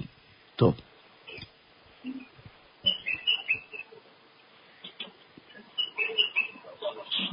בסדר גמור, חזק ואמץ, תודה. כי יכול לעלות ראשון. כן. אז נהגתי בסדר שאמרתי שזה כן. מותר. תודה רבה, חזק ואמץ. נעבור לשואל הבא. שלום כבוד הרב. שלום רב, בבקשה. שלום, רציתי לשאול שתי שאלות. אה, לילדה בת אה, תשע יש לה דלקת בעיניים, מותר לשים טיפות אה, עיניים בעין שיש לה דלקת? כן. ושאלה מותר. שנייה, מותר. ושאלה שנייה, על המבוגרים, אה, חס- חוסר לו ויטמין B ב-12. מותר לקחת זה בשבת למבוגר? אז התשובה היא ככה, ויטמין אה, מותר לקחת אפילו בפעם הראשונה, קל וחומר שאתה לוקח את זה כבר מ, מיום חול. אז אם התחלת בטיפול תרופתי ביום חול, אין בזה גזירת שחיקת סמנים, ומותר להמשיך בטיפול התרופתי גם בשבת. בסדר? הוויטמין B, ויטמין B. אמרתי ככה, שלגבי ויטמינים, מותר גם להתחיל בשבת עצמה. אבל אני הוספתי ואמרתי שטיפול תרופתי שהתחלת בו ביום חול, מותר להמשיך גם בשבת. וב-12? אותו דבר. B12 דבר. ויטמין D זה מוגדר כוויטמינים. ולגבי ויטמינים, מותר להתחיל בטיפול תרופתי בשבת. אני חוזר ואומר שגם טיפול תרופתי שלא ויטמינים, ממש תרופה ממש, אם התחלת בערב שבת, מותר להמשיך בשבת. טוב, בבקשה. אקמולי כאלה, אקמולי ונורופן כאלה? כן, כן. שבת שלום, תודה רבה. תודה רבה, שבת. שלום. כן, נעבור לשואל הבא. שלום כבוד הרב. שלום רב, בבקשה. רציתי לשאול אה, לגבי פתיחת ספר. אם אדם עכשיו רוצה כביכול לשאול שאלה מה, כביכול מהקדוש ברוך הוא, הוא אומר מה שאני אפתח ספר, אני רוצה לראות תשובה. אה, ראיתי בזה דעת אחד מהרבני הדור שאומר שיש לאסור בזה, והרב בן צל מוצפי. והתקשיתי לכאורה כאילו מה ישנה מגרוע לגרע וגם מה הטעם בזה לכאורה, כי הוא- דוגמה הוא אסר אה, ספר שיחות קודש, אמר שזה אסור לשדה.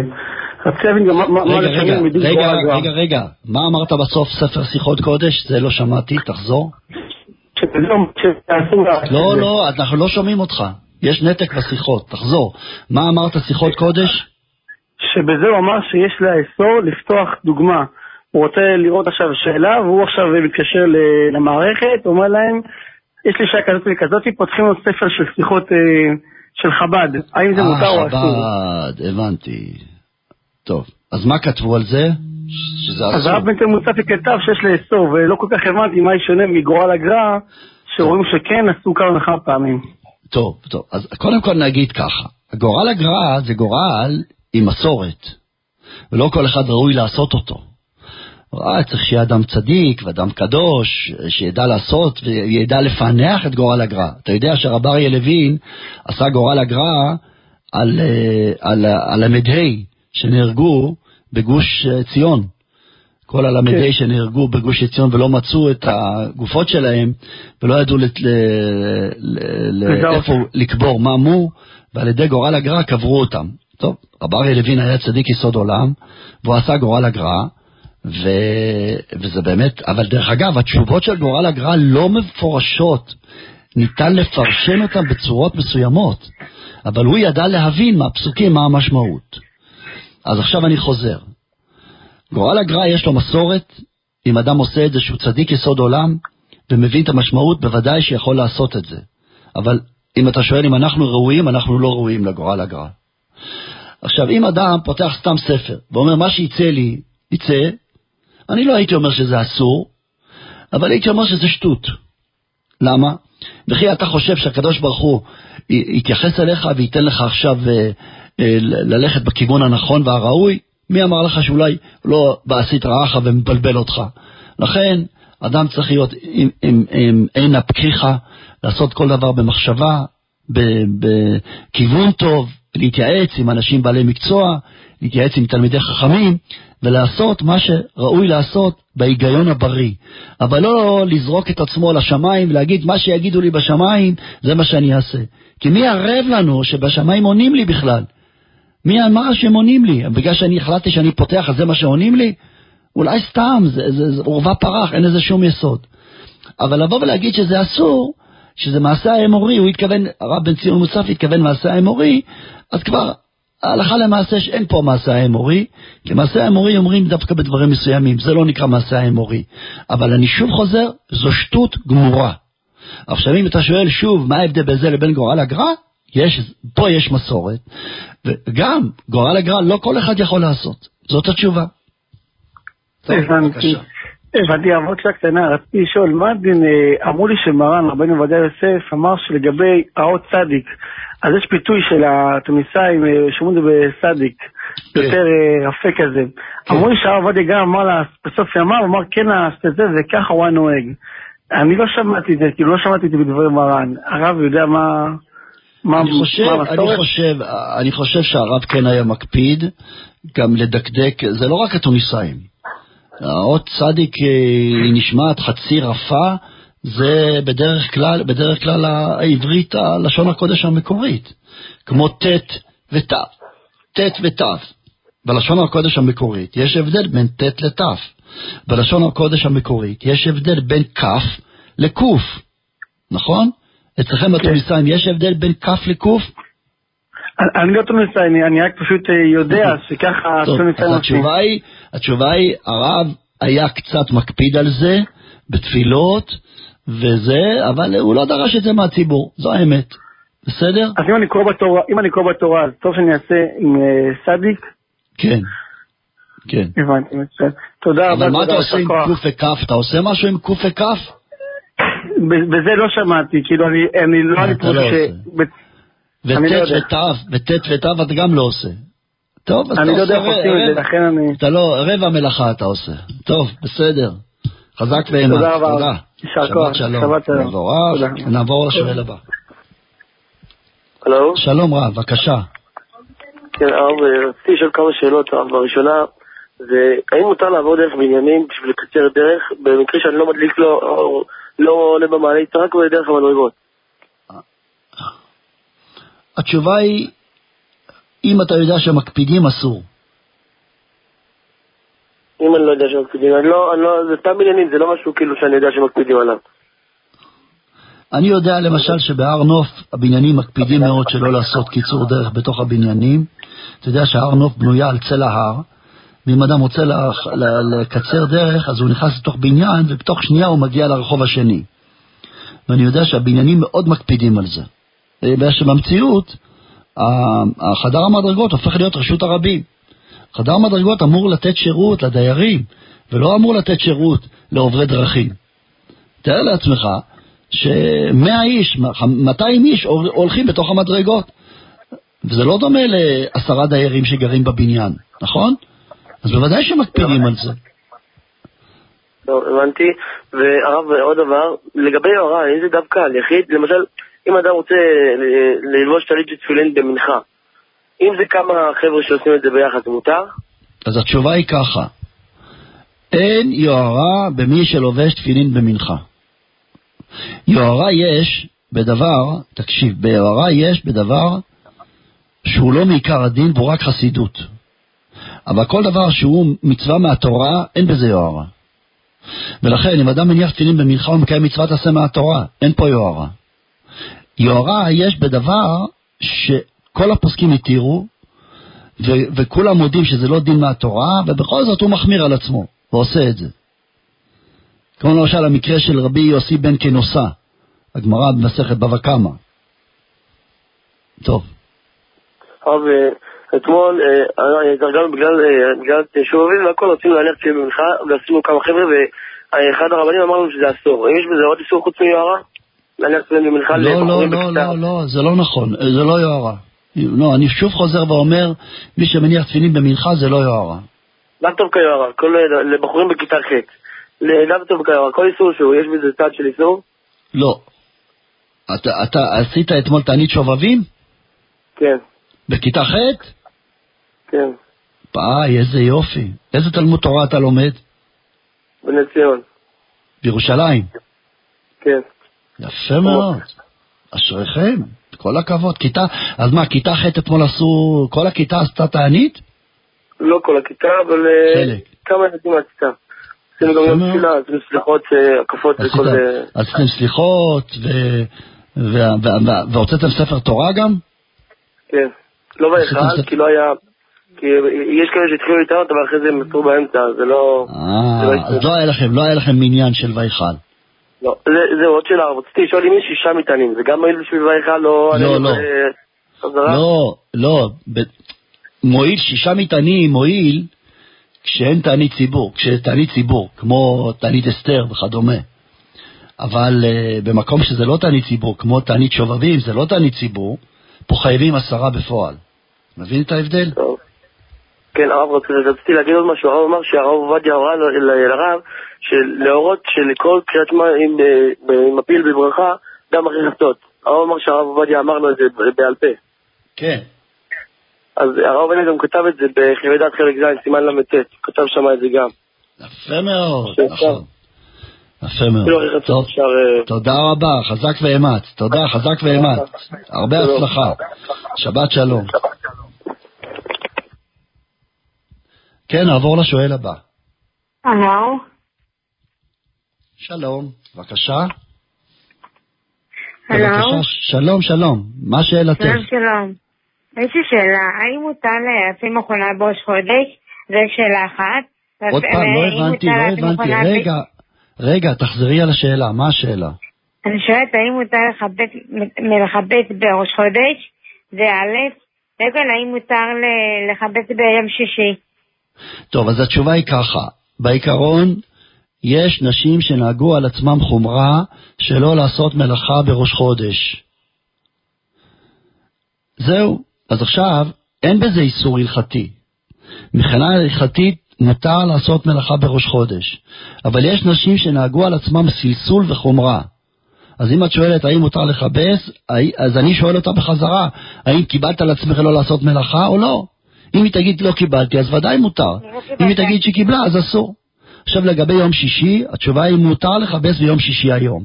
כל מה שתקנו שלא לכבס ביום שישי, היה פעם שהכביסה הייתה עורכת יום שלם. שהיו מחפשות אנשים בנהר, והבגדים היו יוצאים מחוץ לעיר, אז פה אין, פה אמרו שלא לכבס ביום שישי, כי זה יגבול בחילולי שבת. אבל היום, מה זה כביסה היום? שנייה אחת, מכניסים למכונה. זה בכלל לא עבודה. לכן פשוט שמותר לכבס ביום שישי. טוב, אני נאלץ פה לסיים, אני אודה פה למפיק אה, שלנו, שמחה בר, לטכנאי שלנו, יורם יצחק וזנה, תודה לכם על ההאזנה. ניפגש שוב ביום ראשון בתוכנית שיחת חולין, ובשבוע הבא, ביום שישי, הליכות עולם. חזקו ואמצו, שבת שלום ומבורך.